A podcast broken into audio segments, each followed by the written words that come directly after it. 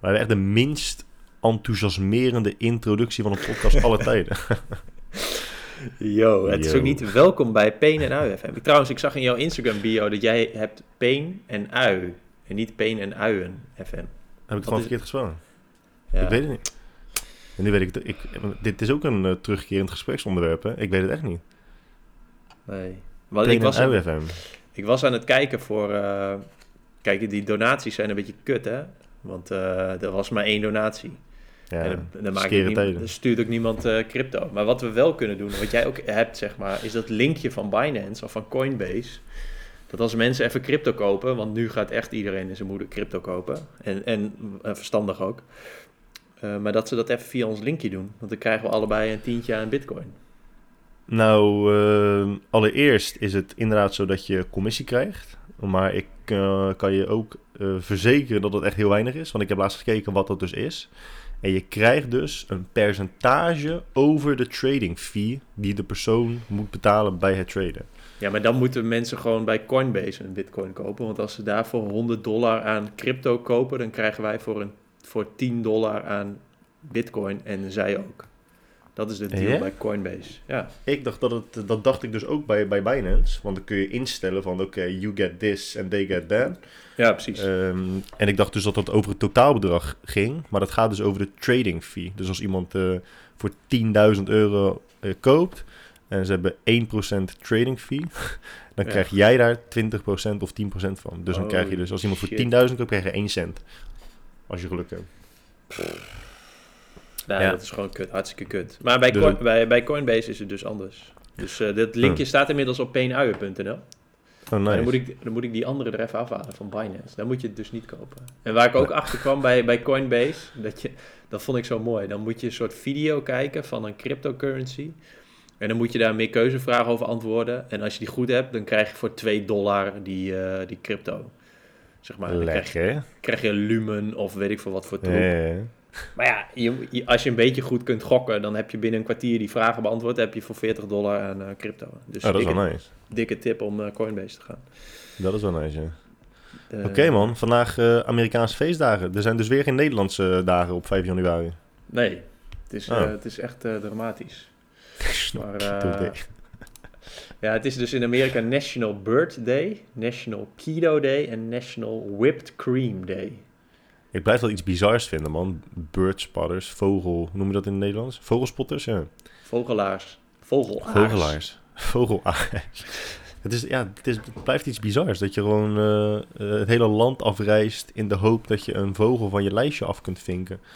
En soms zie ik ze ook in het park staan en dan hoor je ze, hoor je ze zeggen van, is dat nou een whatever the fuck? Ik ken letterlijk geen één vogelnaam, behalve een meeuw en een duif. Is dat nou een meeuw?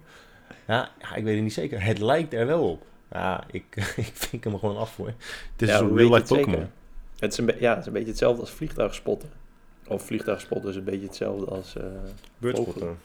Maar ja, vliegtuigspotten, je kunt ook, ja, je kunt gewoon, ieder, ieder vliegtuig is natuurlijk uniek, heeft gewoon een nummer. Ja. Dus ja, dat, volgens mij doen vliegtuigspotters dat. Maar dingen zijn er ook uniek. Ze hebben toch allemaal uniek DNA, dus je kunt toch eh, DNA-onderzoek doen. Ja, dat zou wel mooi Bij zijn. MyHeritage. Vogels gaan niet zo lang mee, denk ik. Ja, ik vind, ik vind het bijzonder. Eh, ja, National Keto Day. Keto, van het keto-dieet, toch? Ja, dat denk ik wel. Of is het een of andere naam van een, eh, hoe heet het? Oh Van een jezus, Ga- Ghanese dictator. mijn opname is gestopt, man. Kut, sorry. Wacht. Oh nee, is toch niet gestopt. Dat Nee, houden we dacht- lekker in. Dat houden we Ja. lekker in. ik, dacht, ik, ik dacht dat het een, bijna, een bijnaam was van een of andere, eh, hoe heet dat, eh, worstelaar. Van het showworstelen, weet Uit je wel. Azerbeidzjan. Kido. Oh, Keto, ja. King Keto. Dat zou wel Here kunnen. it comes, Kido. Ze willen het voor de, voor de zekerheid nachecken, of niet? Of gaan we er gewoon vanuit dat het, eh, dat het, het dieet is? ja, nee, laten we er maar uh, vanuit gaan dat het dieet ja. is. Heb je dat eens gedaan? Keto. Voor de mensen die het niet weten, keto is gewoon eigenlijk eh koolhydraatvrij. Dus je vreet alleen maar vet en eiwit. Met je smoel. Ik vind Nee. het echt eh, helemaal niks. Nee, ik heb het eh, nooit gedaan. En je, je, ik heb vast wel eens periodes minder koolhydraten gegeten. Koolhydraten. We, ho- we hoeven natuurlijk ook weer niet eh, te ontkennen dat we in het verleden een, een normaal persoon waren. Dus er zijn vast wel eens periodes geweest dat ik dacht, nou, nu even wat minder brood en graanproducten. Minder koolhydraten. Ja, maar... eh, Afgeleid van kolibrie, dat, dat vogeltje. Ja, klopt ja. Koolhy koolhydraten. Hm. Ja, dan moet je een slok water nemen. Maar ehm, wat is ook weer, eh, waarom doen mensen dit ook alweer? Omdat je, je lichaam, je traint je lichaam dan om vet te verbranden. Ja, het is voor mij inmiddels zo lang geleden dat ik me daarin heb ver- verdiept. Maar volgens mij heeft het inderdaad ook te maken met een switch die je lichaam maakt. Eh, het, is heel, het is heel grappig, want hoe meer vet je eet, hoe meer vet je verbrandt, omdat je ook meer vet eet. Eh, en mensen hebben daardoor het idee dat je lichaam ook beter wordt in lichaamsvet verbranden. Eh, maar ja, er zijn nog helaas te veel mensen die het hele calorieënverhaal bewust en onbewust negeren. Of ervoor kiezen te negeren. En dat is zonde, want uiteindelijk maakt het niet uit eh, waar het vandaan komt. Het is wel grappig. Het is, het is zo'n contradictie met, met wat men eerst dacht. Eerst dacht men, elk grammetje vet dat je eet, betekent ook extra lichaamsvet. En mensen die keto vreten, die vreten echt 88% vet. En voor de rest alleen maar, eh, alleen maar eiwit. Ja. Lekker man. Maar goed, wat is het, wat is het doel dan? Ja, dus de switch, voor mij heeft, dat heeft voor mij met de, met de metabolic switch te maken. De metabolische switch. Dus je, ja, je, je, je traint het lichaam, of het lichaam wordt effectiever in het verbranden van vet.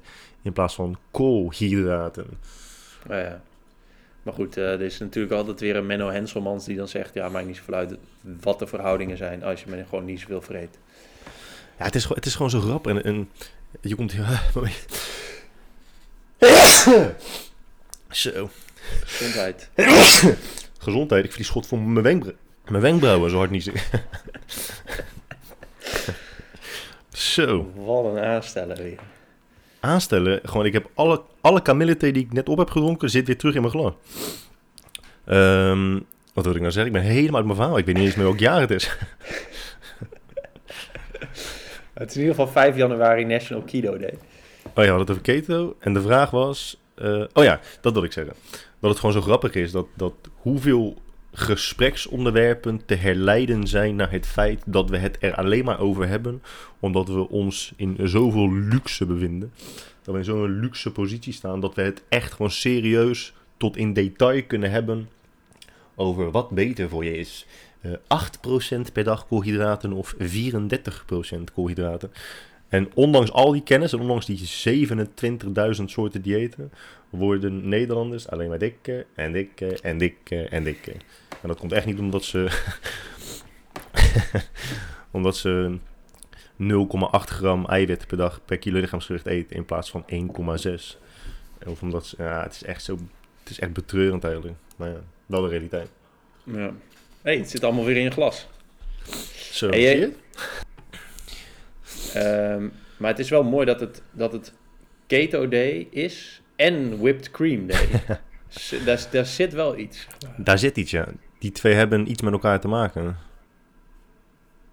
Het is wel. eh, zou dat ook zo zijn dat je gewoon. Dat, dat nu deze drie dagen er zijn, Bird, Keto en Whipped Cream. Dat er dan ook heel makkelijk nog eentje bij komt. Wat dan? Ja, ik weet niet. Ik zit even te denken. Bird, Whipped Cream, Keto. Ja, Vogel, niet. vogeltaartdag. ja precies. Maar wel koolhydraatvrij. Ja, of een, of een, eh, een gerecht met ja, een soort butter chicken of zo. Butter chicken day. Oeh, dat is wel een goeie man. Butter chicken is trouwens wel echt heel nice. Ja, het is echt heel nice. Oh, wat lekker zeg. Ja, nou ja, misschien is het eh, butter chicken day. Nou, het is dan voor ons inderdaad de nationale koolhydraatvrije butter chicken day. Met whipped cream, extra. Nice. Wat, eh, Wat een lekker, lekker veel slagroom in. Wat? Hadden maar één donatie, hè? Eh, iemand die... ehm, een, een Belgische jongeman, tenminste voor mij was het een man. Eh, ik, ik wil geen, geen seksistische aannames doen, maar volgens mij was het een man. Toch, ik kan me herinneren dat ik een, een naam voorbij zag komen. Eh, nee, ja, ik, ik, heb, ik zag in de donatie staan dat het PJ is. Dat is een heel, best wel cryptisch. Nou, PJ. PJ. PJ, ik weet niet. Hij zou die Peer heten. Peer. Bij Belgen heet het Peer, toch? Sommige Belgen. Nooit dat Belgen Peer heet. Peer Ju- Jules. nooit dat Belgen Peer heet. Hoe kom je daar nou weer bij? Jawel, dat was toen in goede tijden, slechte tijden een Belg, die heette Peer. Vraag eens aan mij hoe vaak ik goede tijd heb gekeken. Hoe vaak heb je Nul Tijden keer. gekeken? Ik heb wel een, keer, ik heb een auditie gedaan voor Goede Tijden. Daar ben ik doorheen gekomen. En toen Ze waren het verhaal. is een, wa- Is een wa- is een maar waar wat voor auditie dan? Ja, is echt heel lang geleden. Ik denk dat het een jaar of eh, acht geleden is of zo, negen. Nou, misschien wel langer nog. Toen had ik auditie gedaan. En toen eh, kwam ik eh, door de eerste ronde. En toen werd ik uitgenodigd voor de tweede ronde in de studio. En toen dacht ik... Nou... Hè, nah. maar jij wilde dat nastreven, een acteercarrière. Ik heb, ik heb een tijdje eh, reclamewerk en zo gedaan. En een beetje modellenwerk hier en daar. Waar, eh, waar, waar ik gewenst was. Met mijn Joodse krulletjes. En op een gegeven moment dacht ik, ja, het is misschien wel leuk om een beetje tv-werk te doen. En toen kwam dat voorbij. Ik heb ook eh, auditie gedaan een keer voor Sluipschutters. Weet je wel, die eh, comedy... eh, Huh? Oké. ja, dat was ook echt heel Maar- te doen. Maar wat moest je dan grapjes maken of zo? Of gewoon als figurant? Nee, toen was, eh, was er een eh, rol voor, eh, ja, voor, voor drie afleveringen volgens mij. Ik ben daar trouwens niet doorheen gekomen, dat, dat weet je zelf ook. Ehm, maar dan moest je auditie doen, moest je een sketch moest je uitspelen met die ene gozer met dat oranje haar destijds. Ik weet even niet hoe die heet. Maar dat was echt wel tof. Dat was echt wel leuk om te doen. Dat, dat, Ja. dat wilde ik ook echt graag. Dat leek me echt wel heel vet. Maar Dat is ehm, ook wel echt vet, man. ja, dat is is ook echt wel een soort van latente droom van mij. Ja, om dat is echt kick. zo'n keer zo'n sketchprogramma. En dan echt met, met goede maken. schrijvers. hè. Dus dat je, gewoon een, dat je gewoon een script krijgt van iemand die fucking grappig is. Waar je jezelf echt in kunt vinden. En jezelf helemaal in kunt... Ja, helemaal in kunt laten gaan. Dat is echt super, super tof. Dat ik me echt Ja. tof. Maar goed, inmiddels ben ik 32 en vergane glorie. Dus doen we het maar een beetje met uh, PNR FM, toch? Ja, ja, ja, precies. En dat is niet eens op beeld, moet je je voorstellen. Eh, oh, maar goed. Eh, in ieder geval bedankt eh, PJ. PJ, Peer, Peer Jules. PSU. Ehm, ja, hij benoemde wel iets waar eh, we het even over kunnen hebben. Namelijk dat wij eh, zeggen, ik weet niet of jij dat ook zegt, maar ik zeg in ieder geval basketbal. En hij ehm, is zowel eh Belg, zei hij, als taalnatie. En hij gaf dus aan dat het basketbal is en geen basketbal. Maar ik heb dus opgezocht wat het is. Ehm, en dat het internet iets zegt, maakt het natuurlijk niet per se waar. Maar als ik zoek in ieder geval naar Nederlandse uitspraken, dan die audiobestanden die op internet staan, spreken het uit als basketbal, niet basketbal.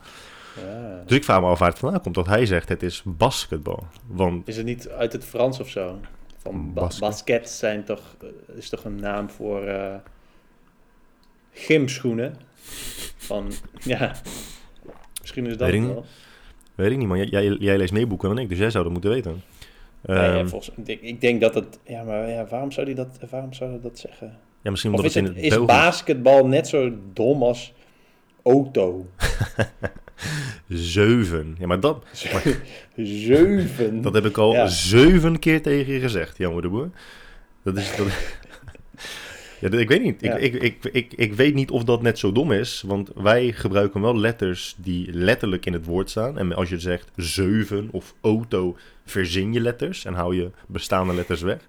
Dus dat is gewoon per definitie niet correct. Automatisch. Automatisch. Ja, ik weet het niet. Ik weet het echt niet. Misschien kan iemand hier eh, eh, het verlossende antwoord op, eh, op geven. Maar over België gesproken. ehm, het is natuurlijk wel... eh, ja, ik, ik vind het bijzonder. Ik, ik, ik, weet nog dat bij een opleiding... We hadden we toen twee Belgen. En die zeiden toen heel de tijd eh, zitvlak. Zitvlak. En ik dacht, wat de fuck is zitvlak? Maar zitvlak is dus inderdaad gewoon je reet. En mensen die zitvlak zeggen... Ja, zou ik sowieso niet, niet heel snel vertrouwen. en zou ik ook niet op een verjaardagsfeestje uitnodigen. Ehm, maar wat ik dus echt gewoon niet begrijp en ook gewoon niet kan uitstaan. En daar kwam ik achter toen ik die ene serie keek, die Nederlandse serie Undercover. Dat Belgen zeggen, ik zie u graag. ik, zie, ik zie u graag. Dan denk ik, dude, hoe dekt, hoe dekt dat de lading? Als je, als je Wat nou, betekent het dan in, in, een, in een Belgische hoofd? ik hou van je. Oh, Ja, dan zeg je dan, ik zie, ik zie je graag. ik zie u Ik graag. zie je graag. Denk ik, bro, hoe, dekt, hoe de fuck dekt dit de lading van jouw emotie? En wat zeg je dan tegen iemand die je graag ziet? Oh, zo oprecht waar. Want je kan, je kan ook gewoon je kan iemand zien of iemand kennen waar je denkt, ja, is wel, eh, is wel een toffe peer, hè, om terug te komen op het woord peer. Zo'n toffe peer Jules. Ja, ik zie jou wel graag. Ik, ik, ik ga wel graag met jou om. Wat, zeg je dan te, wat zegt een Belg tegen iemand die die graag ziet? Zonder dat hij dus moet zeggen dat hij van hem houdt.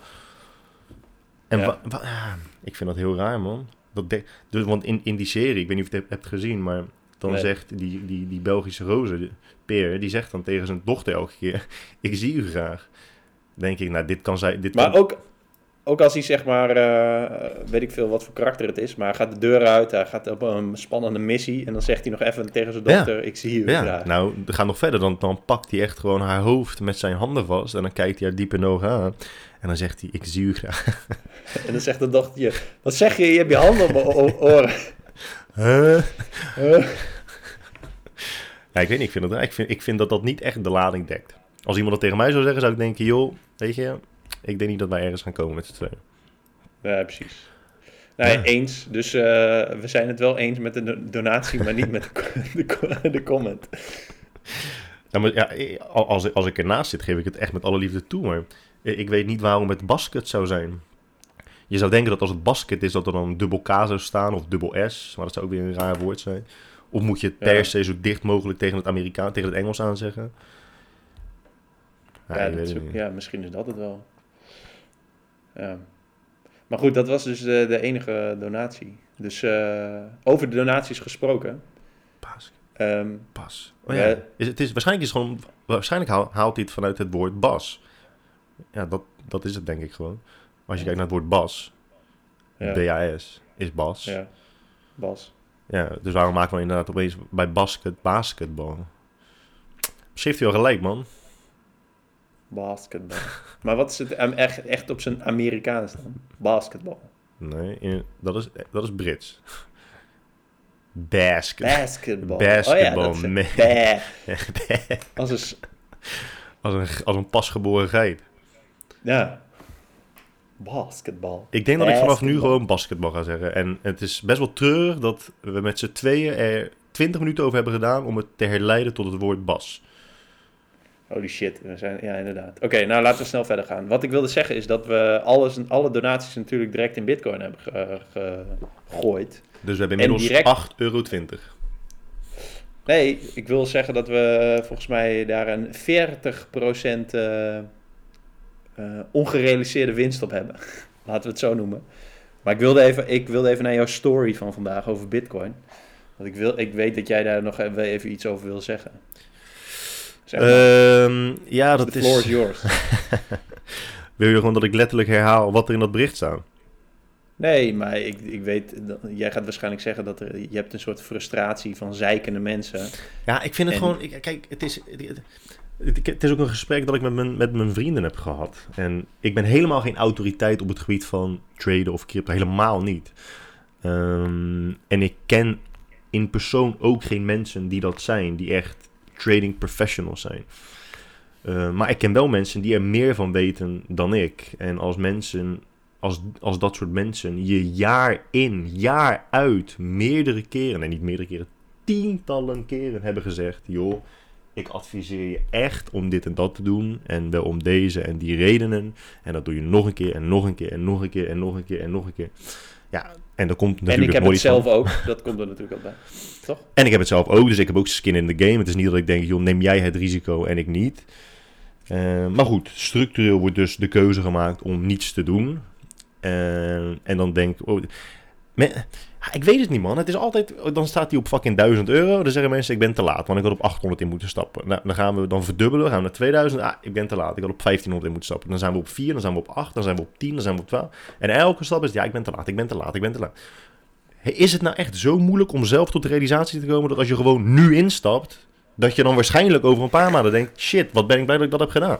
Hoe, Ja. Hoeveel jaren moeten er overheen gaan voordat je denkt, yep, I fucked up. En als je die realisatie hebt, stop er dan gewoon helemaal mee. Want heel veel mensen die blijven er ook jaar in jaar uit mee bezig, tussen aanhalingstekens. Die lezen erover, die wachten op een moment om in te stappen. Maar dat is een beetje de illusie van betrokkenheid. Dan, dan, dat is letterlijk no skin in the game. En dan ben je er maar mee bezig. En dan ben je in je hoofd ben je trades aan het maken. En dan kan je altijd zeggen, zo, ik wilde eigenlijk vorige week instappen, maar heb ik niet gedaan. Maar als ik het had gedaan, dat ik nu gewoon 80% winst had. Hè? Ja, maar je hebt het niet gedaan. ja, maar als ik het had gedaan... Ja, we zijn godverdomme geen 13 meer. Nee. En uh, ja, to, toen, we, toen we een paar maanden geleden begonnen met deze podcast en het ging over crypto, kreeg ik heel veel berichten van mensen die zeiden: Nee, ik doe het niet en het is allemaal heel riskant en ik zou het echt niet doen en ik zou je geld er nu uithalen, want hij staat nu heel hoog en heel veel hoger gaat hij niet. En nu krijg ik zo fucking veel berichten van mensen die zeggen: Ja, ik ben ingestapt, ik ben ingestapt, ik ga instappen, ik wacht nog even, ik kijk het dan een tijdje aan, maar nog eventjes en dan stap ik in. Er komt waarschijnlijk wel een dip. Er, ja, er komt waarschijnlijk wel een dip. Ik wacht, ik wacht op een correctie. Maar mensen, wat, als mensen zeggen ik wacht op een correctie, dan hebben ze het idee dat die correctie vanaf nu ergens zal gaan beginnen. Maar een correctie kan ook over drie maanden terug naar 48.000 dollar zijn. Dan heb je ook een correctie. Mm Zo, ja, dat, dat zat nog wel even dwars, ja. Ja, dus mensen moeten, kortom, mensen moeten gewoon, uh, als ze Nee, ze moeten sowieso niks, maar als ze erover twijfelen, moeten ze het nu doen. En dan via het linkje op peenuien.nl. Oké, Coinbase. En maar wat mensen nu dus vervolgens gaan doen, dan, gaan ze, dan wachten ze nog vier maanden. En dan denken ze, oh, weet je nog, toen Guy op PNU FM zei, je moet bitcoin kopen, dat ga ik nu doen. En dan staan we op 182.000 euro. En dan crashen we naar uh, eh, 90. En dan zijn ze de helft van hun 50 euro inleg kwijt. En dan krijg ik een bericht en dan zeggen ze, ja, ik ben 25 euro kwijt. Dus misschien moet je de datum even van vandaag zeggen. 5 januari Nee, maar, maar, nu, maar nu, ja, nu is het. Je gaat, hoe, hoe hoger we staan, hoe minder overtuigend je ook kunt zijn in het advies van ja, ik zou nu echt kopen. Ja. Ja, klopt. Maar het is precies hetzelfde als met, met index trackers, toch? Ik bedoel, ja, dat is toch ook gewoon. Wanneer moet je, wanneer moet je beginnen? Ja, nu. Soort van. Ja, ja het, is, het, is, het, is, het is meestal geen wijsheid om in uh, de exponentiële stijging in te stappen en, en hopen dat je onderaan die stijging bent ingestapt of ergens halverwege. Uh, zeker niet na zo'n periode van 6 à 7 maanden waar we constant aan het stijgen zijn. Maar ja, ik ben, ik ben ervan overtuigd dat we dit jaar op minimaal 100.000 euro staan. Minstens. En dat is een conservatieve schatting. Je bedoelt met één bitcoin, met bitcoin. waard, maar niet, en, niet met onze donatiebedrag. Nee, sowieso onze donatiebedrag. Maar ik denk Zo, wel dan gaan we even, even een zooi haartransplantaties doen als we 100.000 euro... Overal haar. Dan nemen we, nemen, nemen, we, nemen we vier transplantaties per persoon. Tot aan je wenkbrauwen. Er zijn wel echt van die gasten hè, die dan echt zo'n knetterlage haarlijn hebben. Ja, dat zijn van die Iraniërs. Ja, mooi. Mooie dingen. Uh, Oké, nou. Donaties gehad. ik zie u graag gehad. Ehm. Ja, ik heb, uh, jij, jij mag het dadelijk natuurlijk eh, aftrappen met het serviceblokje. Ik heb wel een, een verhaal van een, van, een, van een vriend van me, die ook collega is bij Perfect Performance. En die heeft wel een, echt een heel slecht Coolblue verhaal. Echt heel slecht. Een Coolblue verhaal? Ja, echt heel slecht. Oh. Nou, dan gaan we eerst wel even het groeien zeg maar. Ik vloog terug uit uh, Johannesburg via Doha naar uh, Amsterdam met Qatar Airways. En ik, ik, ik ben echt wel echt fan van Qatar Airways. Ik had een business class ticket geboekt met punten. Lees mijn boek vooral, om dat ook te kunnen. Maar, uh, en, en Qatar Airways staat erom bekend om een van de meest luxe business classes te hebben. Ze hebben Q-suites, dat zijn suite, suites aan boord, waarin je je eigen stoel hebt met een deurtje wat je kan afsluiten. En je hebt en... Dat hebben ze bij business class of bij first class? Nee, dat is bij business. Ze hebben, ze hebben wel first, maar dat faceren ze volgens mij een beetje uit. Dus ze maken gewoon geen... Niet, ze, ja, het onderscheid tussen first en business is een beetje weg. Maar goed, je zit dus en aan, de, en aan het gangpad en aan het raam en je kunt het deurtje dicht doen en zo. En maar ik zat te denken, gewoon, ze doen alles, alles goed, zeg maar. Ze doen altijd alles net voordat je eraan denkt. En dat is natuurlijk per persoon verschillend. Maar dat is heel, heel, heel erg nice. Hoe vaak ze langskomen of ze even iets voor je kunnen doen. En als er iets op de kaart staat, want je krijgt dan een menukaart aan boord. En dat is er dan niet, dan hebben ze altijd een oplossing en uh, dat soort dingen, zeg maar. Het is gewoon en hoeveel mensen er in de lounge werken, dat als je binnenkomt in de, bij de lounge op het luchthaven, dat ze zeggen, bent u al eerder geweest? Ja, ben ik. Oké, nou ja, we hebben, het zijn wat nieuwe dingen sinds uh, COVID, bla bla bla. Wilt u dat ik u even rondleid en zo? En ik snap heus wel dat het hevig gesubsidieerd wordt door uh, uh, Qatarese overheid. Maar ja, ze doen het wel, zeg maar. Mhm. Het is wel echt van begin tot eind dat je denkt... Dat is toch echt gewoon een warm bedje. Nou, ja, ik vond het, eh, ik vond het fantastisch. Het is, het is echt, echt een hoogtepunt van je, in je jaar is dat. Ja, ja, ja. Op die manier. Maar dat, dat is zo kut. Dat als een bedrijf het 99% van de tijd echt bovengemiddeld goed doet. En een of andere. Ja. Iemand die komt op een gegeven moment daar bij Qatar Airways en het gaat verkeerd. En dat is toevallig ook zijn eerste ervaring. Is het voor die persoon gelijk een kutbedrijf met echt waardeloze service. Ja, Want dat is toch. Ja. eh, ik, ik zat laatst een film te kijken, All the Money in the World. En, en daar zei iemand van: je leert iemand pas echt kennen als je van die persoon moet scheiden. Eh, daar zit echt wel een sterke kern van waarheid in. Eh, ik denk dat het ook met bedrijven het geval is. Je leert een bedrijf pas echt kennen op het moment dat je ze echt nodig hebt. En, en hun servicegerichtheid op de proef moet stellen. Eh, dat je ze dan echt leert kennen. Dus de- even los van het feit dat ze. Dat, ik, ik heb nooit met Qatar Airways gevlogen, maar eh, ik ga ervan uit dat ze het inderdaad bovengemiddeld goed doen en altijd al problemen voor zijn. Maar he- heb je wel eens gehad dat ze iets echt op moesten lossen? lossen? En dan ook Mm. het liefst niet iets dat heel erg voor de hand liggend is, was. nee, eigenlijk niet. Maar misschien, ja. En ik ben benieuwd wat, wat er dan gebeurt. Ja, precies. Nee, ja, dat is nog niet- nog niet voorgekomen of zo. Dat er, eh, weet ik veel, vluchten uitviel of dat er een probleem was. eh. En dat springt natuurlijk op boekdelen. Dat, dat dat al nooit is gebeurd, is al, is al bijzonder. ja. Maar het, het, het zou ze helemaal onderscheiden. Het zou echt die laatste, die laatste meter zouden ze ook nog meepakken. Als ze op momenten dat het ertoe doet, je ook nog zo fucking goed tegemoet komen. Ja, zij waren wel de, een van de eerste airlines met die coronacrisis die dan eh, een enorme bonus aan vouchers gaf en ook alle vluchten ehm, herboekbaar maakte en zo. Ja. Dus dat was wel. En, en sowieso als je geen voucher wilde, je geld terug. Dus dat was sowieso wel. eh, en ze waren de enige airline die bleef vliegen. Dus dat is ook wel mooi. En dat vond ik ook zo bizar. Dat is bij- met KLM toch? Dan kreeg je op een gegeven moment tegoedbonnen. En dan, dan boekte, Ja. hij een, boekte hij een vlucht. Nou, die werd dan geannuleerd. Kreeg je een tegoedbon. Boekte hij nog een keer een vlucht met die bon. Eh, want die moest dan ook binnen drie maanden moest die, eh, verzilverd worden, volgens mij. Ehm, en dan had je nog een lockdown. Weet je, de tweede vlucht werd ook geannuleerd. Zit je op een gegeven moment zit je met twaalf tegoedbonnen. maar oh nee, jij, jij zei laatst al dat, dat ze het inmiddels wel... eh, dat je wel je geld terugkrijgt inmiddels van KLM. Ja, de, ja, tenminste, waarschijnlijk met, door heel veel formulieren in te vullen en zo. Denk ik. Maar eh, ja, dit is gewoon eh, consumentenrecht. Ik bedoel, als een vlucht niet wordt uitgevoerd wat je, waar je wel voor hebt betaald, dan moet je gewoon je geld terugkrijgen. Dus die voucher, ja, dat, had, dat hebben airlines gewoon zelf bedacht. Zo van, ja, ik krijg het goedbon. Ja. En, dan, en eh, de Nederlandse overheid, die ook aandeelhouder was van KLM, of is van KLM, groot aandeelhouder, die zag dat dus door de vingers. Die, die deed niet aan handhaving. Ja, dat is gewoon wel echt, echt eh, een klein beetje evil. Ja, ik, ik, ik, ben dus helemaal niet bekend met consumentenrecht. En eh, tenminste, je hoort heel vaak mensen dingen erover zeggen. En zo ook als je bijvoorbeeld een, een cadeaubon koopt of krijgt.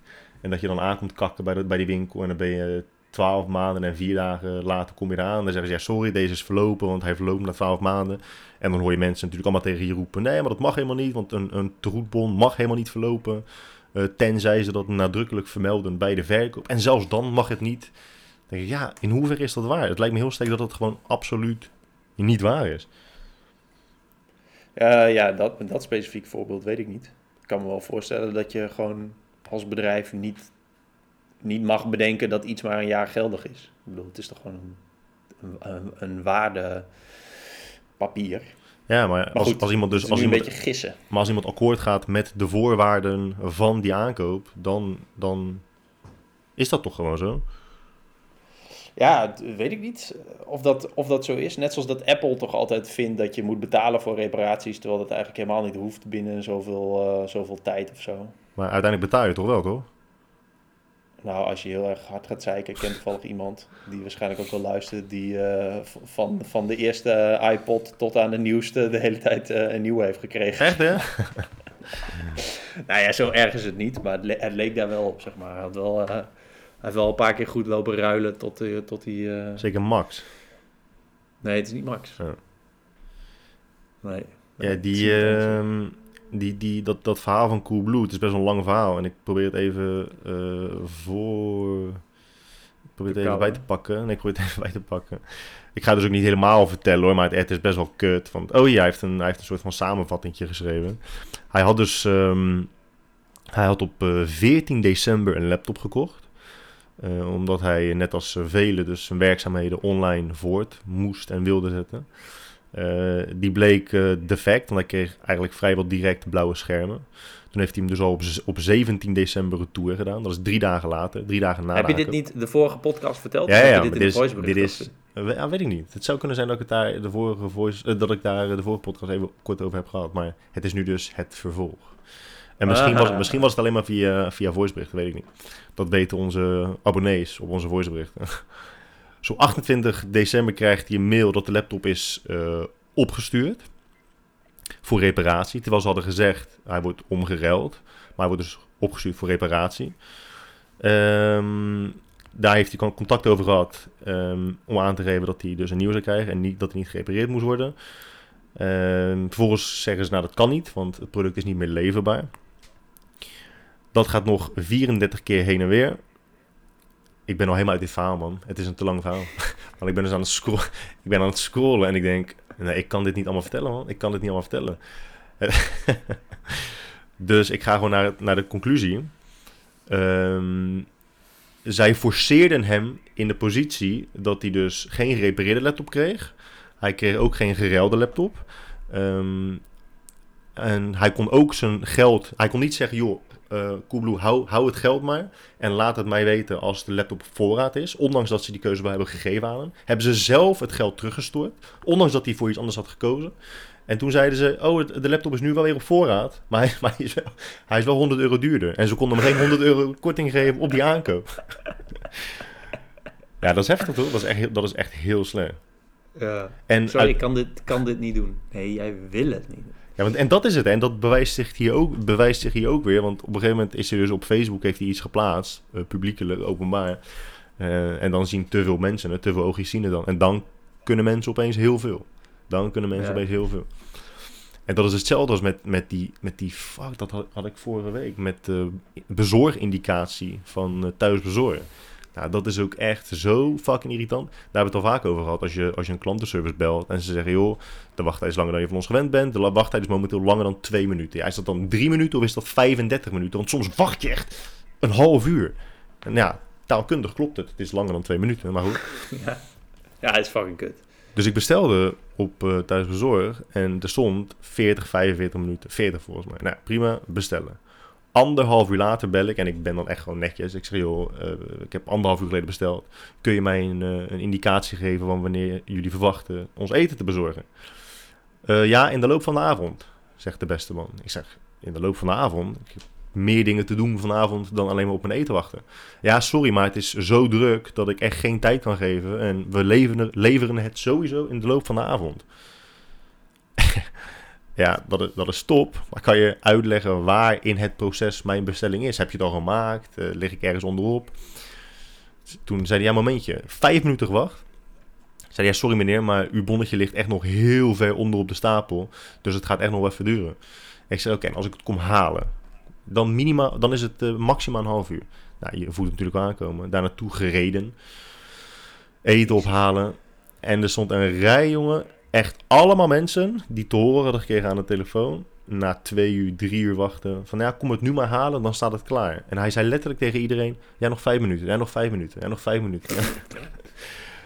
ja, wat was- is het voor tent dan? ja, gewoon een sushi tent. Maar dan denk ik, joh, als je de drukte niet aan kan, dan moet je, je moet toch bijna gewoon verplicht zijn om te vermelden dat je geen, of geen bestellingen aanneemt. Of dat de bezorging gewoon twee uur duurt. Maar dan zeggen ze, ja, er staat op de website, hè, langer dan 40 minuten. Ja, vuile, vuile. Heb je het uiteindelijk wel gehad? Ja, dat is ook zo. Weet je, op welk punt besluit je om gewoon door te gaan en het helemaal uit te zetten? En op welk punt zeg je, nou weet je, ik, ik kap ermee, ik, ik, ik wil mijn geld of ik wil de bestelling annuleren en ik ga opnieuw het proces in bij een ander restaurant. Ja, dat is fucking kut. Omdat je weet dat je dat geld terugkrijgen, dat het ook weer zo'n gezeik is. Ja, en je weet ook Toch. niet hoe het zit bij andere restaurants, zeker in Rotterdam Centrum. In Amsterdam zal het niet anders zijn. En het was ook op, ehm, op eh, Oudjaarsdag. Ja, dan is het overal druk. Maar dan denk je, als, het, als je het zo druk hebt dat je gewoon er urenlang mee bezig bent. Ja, dan moet je toch bestellingen gewoon niet aannemen. Dat is toch echt, echt belachelijk. Ja, lijkt me ook. Dat vond ik dus bijvoorbeeld heel mooi bij... eh, je hebt Richard Visser, een van de beste oliebollenkramen, oliebollenkramen van Nederland. Die hadden op, op Oudjaarsdag hadden ze gewoon op de deur geplakt van... ja, we kunnen jullie veiligheid en onze veiligheid niet garanderen. Dus we zijn vandaag gesloten. En normaal... Ze hebben, voor mij hebben ze een keertje meer dan een miljoen oliebollen verkocht op Oudjaarsdag. Jezus. Heftig, hè? Dat is wel, ja, dat is wel heftig, ja. Maar dat is wel Maar het- gewoon ik- verantwoordelijkheid nemen en zeggen... ja, wij kunnen dit niet, dus we doen het ook gewoon. We gaan het niet eens proberen. Maar hebben ze gewoon helemaal niks verkocht Nee, dan? ze waren heel de dag gewoon dicht. Wauw. Wat sick. Ja. Wel grappig dat er een ranglijst is van mensen die deegballen frituren. Ja, en dan heb je en van het AD, en je hebt volgens mij van de Telegraaf, en je hebt die, en je hebt die, en je hebt die. Welke, ja, welke, welke is dan de beste? Wat is de Oscar, wat is de Oscar van de oliebollenprijzen? ik heb dit jaar geen, en vorig jaar trouwens ook niet, o- o- deze jaarwisselingsperiode geen oliebollen gegeten. Omdat je keto eet. Ja, ja, ja. Ja, maar dat is altijd met oliebollen, elk jaar. Dan zeg ik, ja, ik ga, dit jaar ga ik echt oliebollen eten, man. Echt fucking nice. Appelbeignets, let's do it. En uiteindelijk eet ik echt een halve, app, een halve appelbeignet en drie oliebollen. Maar En wat kenmerkt een goede oliebol, denk ik dan? Hij moet Fluffy van hij- binnen. Ja, hij moet een beetje fluffy zijn. Hij moet niet te, te, Ja. nat, niet te nattig zijn, weet je. Dat, dat vieze, pruttige, bloemkolige... Ja, dat is, dat is heel goor. Oh, dude, breng ze nou niet op, op ideeën. Oh, ja, dit ga, je bloemkoolbollen. Dit ga je volgend jaar zien, man. Bloemkoolbollen, kut, ja. Ja, maar er gaat toch iemand, waarschijnlijk zijn ze er al, er gaat toch iemand komen met een soort healthy versie van een oliebol. Ja, die bestaan al zeker weten. Waarschijnlijk van boekenwijdmeel. Dat is ook een van de goorste dingen op aarde, boekenwijd. Jij vindt dat waarschijnlijk lekker, omdat je Amsterdammer bent. Maar alles wat je met boekweit maakt, wordt gelijk verziekt. En weet je waarom? Want het smaakt naar fucking boekweit. Ja, het smaakt echt naar boekwijd. Dat is echt, maar dat is toch van dat grijze meel, Ja. zeg maar boekwijd. Nou, het, het, was het lijkt iemand- op mensenas, lijkt. Er was ooit iemand die, Jenny had een recept voor eh, eh, van die eh, naan eh, op haar website staan. En iemand ging dat maken en die zei, nou ja, het is, eh, het is echt mislukt. En toen had Jenny gestuurd van, joh, maar, hè, maar heb je wel het recept gevolgd? Ja, ja, ja, wel het recept gevolgd. Maar ik heb wel boekwijdmeel meel gebruikt. Het is zo mooi als mensen zeggen, het is, ja, ik heb precies hetzelfde gedaan, behalve, dude, hoor je niet wat je het zegt. meest essentiële ding. Eh, Ja, ik heb wel je tomatensoep gemaakt, maar ik had geen tomaten. Ik heb er, eh ik Augurk- heb er ik heb champignons. augurk in Ja, gegooid. Ja, Mooi boekwijnmeel is echt, is echt, eh, dat is echt nasty. Nou, dus dat is, ook, dat is ook wel een voorwaarde. Geen boekwijdmeel gebruiken voor je oliebollen. Maar die bestaan waarschijnlijk wel. Boekwijd bloemkoolballen met rozijnen. Gadverdamme. Ja, dat is. Gat. Dat is gewoon. En spinazie. En, Ja, dat is gewoon. ah, maar- ah, oké, nou ja, misschien volgend jaar dus. Ehm, skincare routines? Ja, dat gooi je er gewoon zo in. Je, je, niet, je probeert niet eens met bruggetjes te maken. Hè? Het is gewoon, oké. Nu, nu, nu is dit onderwerp aangebroken. Weet je wat me ook gewoon lijkt, Kai? Boekwijd op je bek smeren. skincare routines. Ja, wat, eh, wat moeten we erover zeggen? Wat is jouw skincare routine? Ja, maar het is grappig dat we, dat we het daar nu over hebben. Terwijl ik, eh, ik denk een minuut of elf geleden zei dat we over bepaalde onderwerpen alleen maar spreken omdat we zo welvarend zijn. En het feit dat we dus ook over skincare routines hebben, dat is ook echt wel bewijs daarvan. Het is zo, ik vind het zo irritant. Maar skincare routiners worden steeds meer zoals vegetariërs, hè?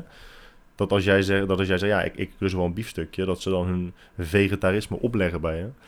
En met skincare is het een beetje hetzelfde. Als je dan tegen iemand zegt, nou, weet je, ik gebruik geen 470 euro aan producten per maand die eh, niet bestaande afvalstoffen uit mijn huid onttrekken, maar gewoon eh, water. Ja, dan kijken ze echt aan alsof je, alsof je eh, psychopaat bent, hè? terwijl je huid beter is dan, dan hun huid. Maar dan denk ik, ja, wat, wat, wat is dan...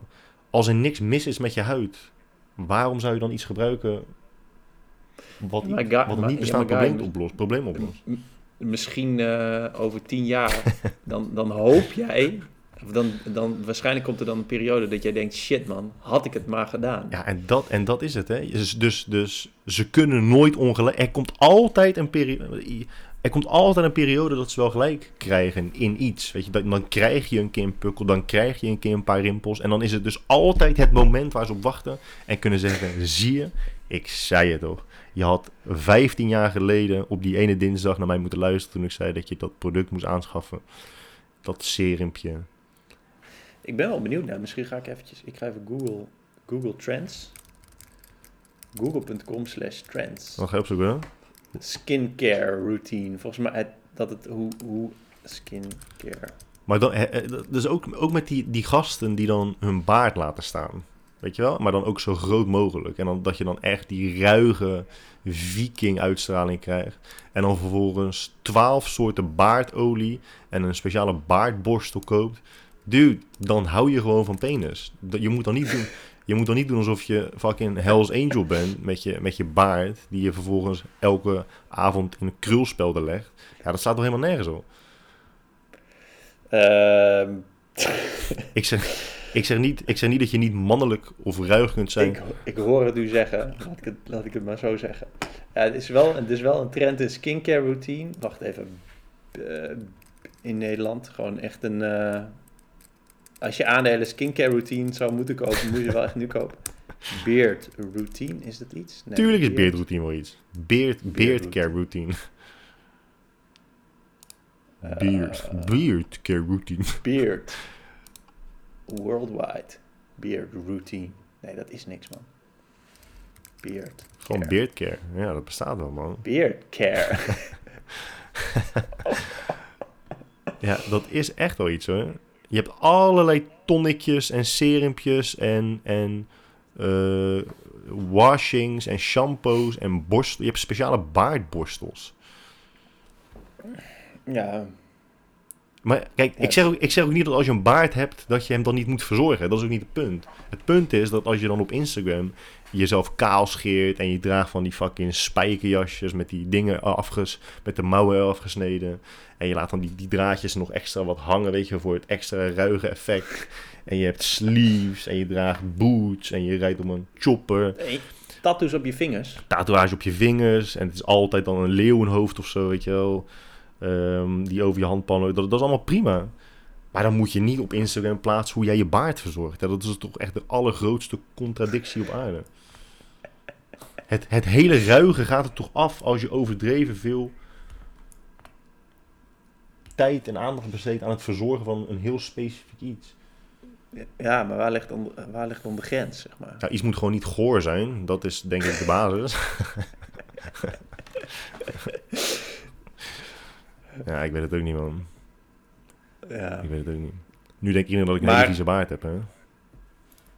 Ik heb toevallig vandaag even de baard even, even getrimd. Dude, luister. Kijk, dit is, dit is hetzelfde met Bitcoin. Ik heb al zo vaak tegen jou gezegd welke baardtrimmer je moet kopen. Maar kijk, nu heb ik eentje. Die is echt niet normaal. Ik heb voor het eerst... Ik kocht altijd al Waal eh, trimmers. W-A-H-L, dat merk.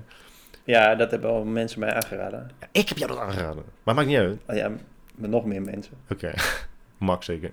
Maar ehm, ik heb nu voor het eerst dus op een, op een kapperswinkel. Bij een kapperswinkel heb ik een, eh, een waaltrimmer gekocht. Nou, dat, luister, dat ding is zo goed. Ik ben nog nooit, ik denk dat ik nog meer enthousiast ben over die aankoop dan dat ik zal worden over mijn eerstgeboren kind. Ik ben zo enthousiast over die aankoop, het is echt bizar. Welk type is het? Het heet de Detailer. Die, Waal Detailer. Ja, maar ik heb, er, ik heb er nu gewoon eentje van 19 euro van de Lidl. ja, dat ding moet je wegdonderen. En, Hoezo? Nee, je, je Hij is lekker handzaam en je kunt hem opladen met mini-USB. Nee, maar je- wat heel Ik zie is. gewoon plukken uit je baard steken. Luister, dit ding is Oh. zo goed en zo scherp. Je gaat echt maar één keer overheen en alles is er gewoon af. Op de lengte die je wil.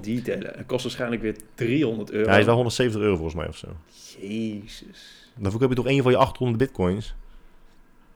Ja, misschien wel, ja. Maar ja, ja, alles wat je nu van je bitcoin koopt, denk je over, over, over vier jaar, denk je, ja, maar deze baardtrimmer Is is 250.000. 8000 euro. Ja, dat is wel waar. Ja. Dat is wel. Dat is wel, dat is wel, dat is wel echt. Maar dat ding is heel goed. hey, maar, maar eh, eh, hebben we ons punt gemaakt over de skincare routine, zeg maar? Nou, jij hebt alleen maar gelachen om mijn stomme grappen. En ik ben nu natuurlijk weer een of andere ongenuanceerde hater van alles. Ja, ik vind, ik vind het gewoon heel grap, grappig, zeg maar, dat dat, en wat jij zegt, dat het zo luxe is. Dat je gewoon op plekken waar mensen geen geld hebben voor een skincare routine, hebben ze heus niet allemaal acne of zo. Of, of onzorgvuldigheden, of weet ik veel. Onzuiverheden. gore. Grijze huid. Ja. Onzuiverheden, bro. Jij zei onzorgvuldigheden. Oh. Eindelijk heb jij iets gezegd vandaag, man. Normaal ben ik het altijd. Onzorgvuldigheden. Onzorgvuldigheden.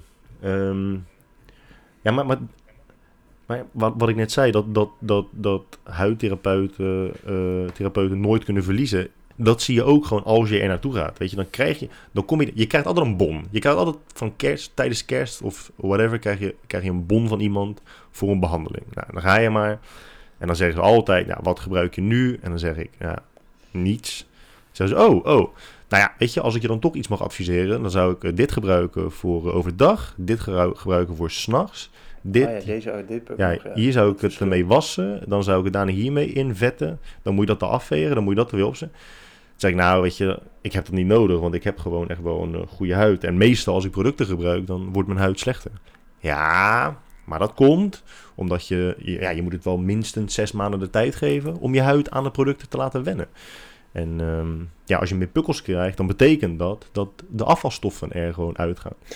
Ja, maar die pukkels had ik ervoor niet. En nu smeer ik jouw spul erop en krijg ik dus wel pukkels.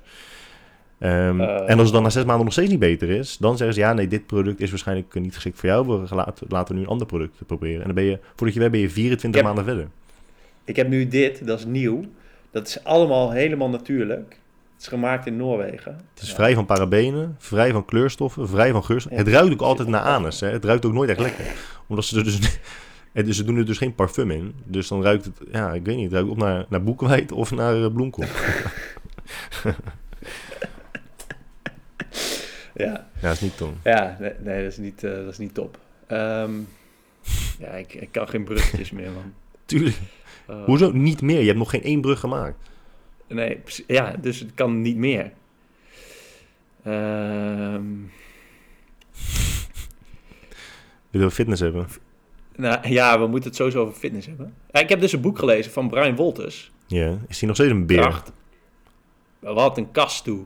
Maar hij was dus ook, weet je nog eh, dat ik eh, kast was en eh, de powerlift-wedstrijd won op mijn, op mijn Die zaalvoetbalschoenen. heb je niet gewonnen, die wedstrijd. Hoe bedoel je, je hebt die wedstrijd gewonnen? Dat ik, maar toen zat hij dus ook in het publiek.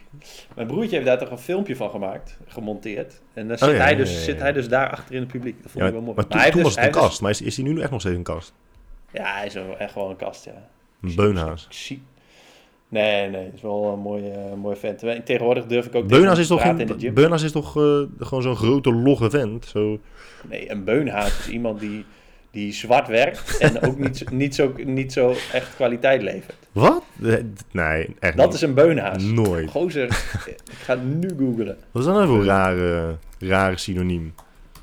Voor iemand die zwart Dus werkt. niet, niet per se een zwart werken. Oh ja, beunhaas kan een negatieve connotatie hebben. Nou, oké, ik wilde dus ik wilde Brian Wolters geen beunhaas noemen. Zwart werken, daar heb ik echt, echt nog nooit voor ge- gehoord. Maar Brian Wolters is, eh, nou ja, hij is kast, maar hij, hij schrijft best wel eh, op een leuke manier een boek, gewoon een, zo'n basisboekje over, over krachttraining, zeg maar. En wat ik, heel, wat ik knap vind is dat je, want meestal moet je al die nuances doen en zo. Ja. Zo van, ja, maar ja, dit, dit meestal dit en voor, over het algemeen zo en waarschijnlijk dit. En, want het is altijd wel een debiel die zegt, ja, maar ik heb maar één been, dus Ja, voor, ja, ik kan niet squatten. ja, godverdomme, niet voor jou. Maar goed, eh, hij doet dat dus, hij heeft het in dat boekje wel, wel eh, nice gedaan. Dus dat vond ik wel mooi. Hoe heet het dan? Hoe heet het Dat is boekje? Kracht heet het. Kracht. Ja.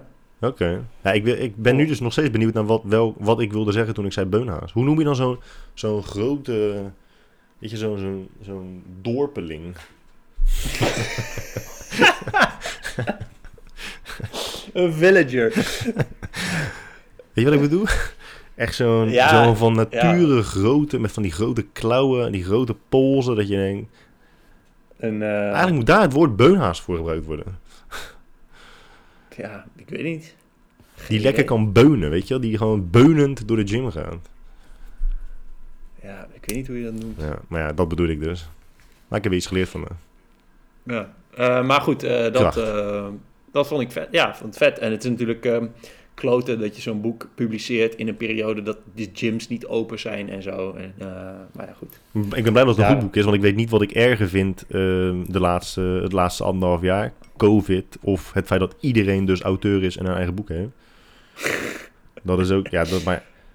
Ja, dat, dat, want we hebben het altijd over dat iedereen dus een open podium heeft voor, op, op social media. Maar het wordt ook nu gewoon doorgetrekken, doorgetrokken, jezus, doorgetrokken naar, eh, naar het schrijven van boeken. Echt, ik zie iedereen boeken publiceren. Ja. Dat kan ook wel heel makkelijk, hè? Nou, ik ken ook mensen die zijn vier jaar bezig met een boek, maar weet je, ja, je hebt ook heel veel mensen die publiceren er gewoon echt elke drie maanden heen. Hoeveel, hoeveel bladzijden heeft, heeft het boek? Kracht? 150.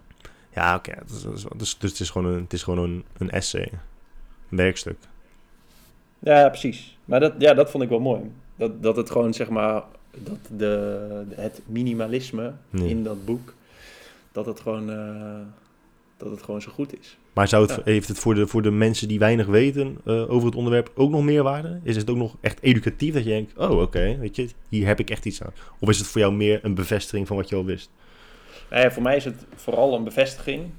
En ik denk dat het voor, eh, ja, ik weet niet man. Ik denk mensen die beginnen op eh, fitnessknaapjes.nl met een schema die dan eventjes... eh, en, en alleen maar, want ja, dat zul je waarschijnlijk nu ook hebben. Dat je gewoon alleen maar Mo Bicep volgt. En, eh, en hoe heet die, die, die schreeuwende dude ook alweer? Joel Beukers. Ja, die ja. Dat je die een beetje volgt. Ja. En JJ Boske. En dat je verder, ja, dan zie je wel eens een keer Jorre Bres voorbij komen. En een schemaatje voor de, voor de zomervakantie. Maar ja, hopelijk, als je dan een keer dat boekje leest van Brian, dan, ik denk dat het dan wel eh, top is. En nergens in jouw lijstje van fitness-influencers influencers dacht je, ik noem Guy droog of Dylan Teken. Hè? Het was gewoon, da- daar, daar, kwam, daar kwam je hoofd niet eens. Nee, nee, nee, sowieso niet. Maar dat is, ja, maar jij- jullie worden toch ook niet gevolgd door gastjes van 17 tot 21 die... eh, Toevallig heb ik gisteren de iPad van Dex verkocht aan een een gozer van 20. Oké. Ik moet altijd shit verkopen van vrienden op mijn Instagram. En ik krijg daar nooit geld voor. Oh. Ik, ik denk heel vaak van, hè, maar hoezo heb jij dit nou weer? Hoe, nou, oké, zal wel. Ja, de meeste dingen zijn ook echt voor mij hoor. Dus als iemand nog steeds een eh, drone wil kopen, dan mag dat. Wil jij mijn drone niet kopen? Nee. Of, nee, of een van mijn rode microfoons. Nee. Heb je het boek van Arie Boomsma gelezen? Volhard. Nee, ik wil het eigenlijk wel lezen. Maar, ehm ehm, nou, ik vond zijn eerste, wat, hoe heet zijn eerste boekje ook weer? Nou ja, hij heeft er ook al honderd boeken geschreven. Maar het, het vervolg, het is toch een vervolg op Fit. Dus dan weet je toch dat zijn eerste boek fit heet? Nee, dat is niet zijn eerste boek. Oh, Want hij heeft echt al honderdduizend boeken gemaakt. oh echt? Maar nee, maar het, het eh, volhard is zeg maar het vervolg op fit, omdat fit gaat over hoe je fit kunt worden. En ik, ik gaf dat boek, vond ik, vind ik ook een leuk boekje, omdat het echt zo'n Arie Boomsma optimisme is. Ja. Maar hij, hij, dra- hij, is- hij draaft wel een beetje door, hè. In zijn boek. Moet, nou ja, gewoon in zijn, in zijn eh, Instagram eh, trainen met een, eh, Trainen met een met appel. een, bier, met een bierflesje. ja, dat kan toch niet? Wel, hoe, hoe moeten we dit doen, zeg maar? Ja, ook dat is... Ik heb, al, ik heb al een keer in een video, in, een, in een vlog over gehad. Ja. Toen zei ik van ja, het is niet erg dat Arie Boomsma eh, traint met een trap en dan met een, met een, met een baksteen en dan met een, eh, met een oude krant. Het, het- maar het feit dat er gewoon niet 140 mensen reageren met dude, het slaat nergens op, doe even normaal. Zeg maar. Waar moet ik een baal hooi vandaan halen? Ja, precies. En, en, en ja. maar goed, wij kennen allebei Arie een beetje. Dus eigenlijk moeten wij hem he- helpen op het rechte pad komen. Ja, het is, het is lastig, want, want ergens begrijp je het. En ik begrijp heel erg zijn insteek van, joh, als je mensen maar aan het bewegen krijgt. Maar ik vind inderdaad Ja. ook dat je ergens wel een grens moet trekken.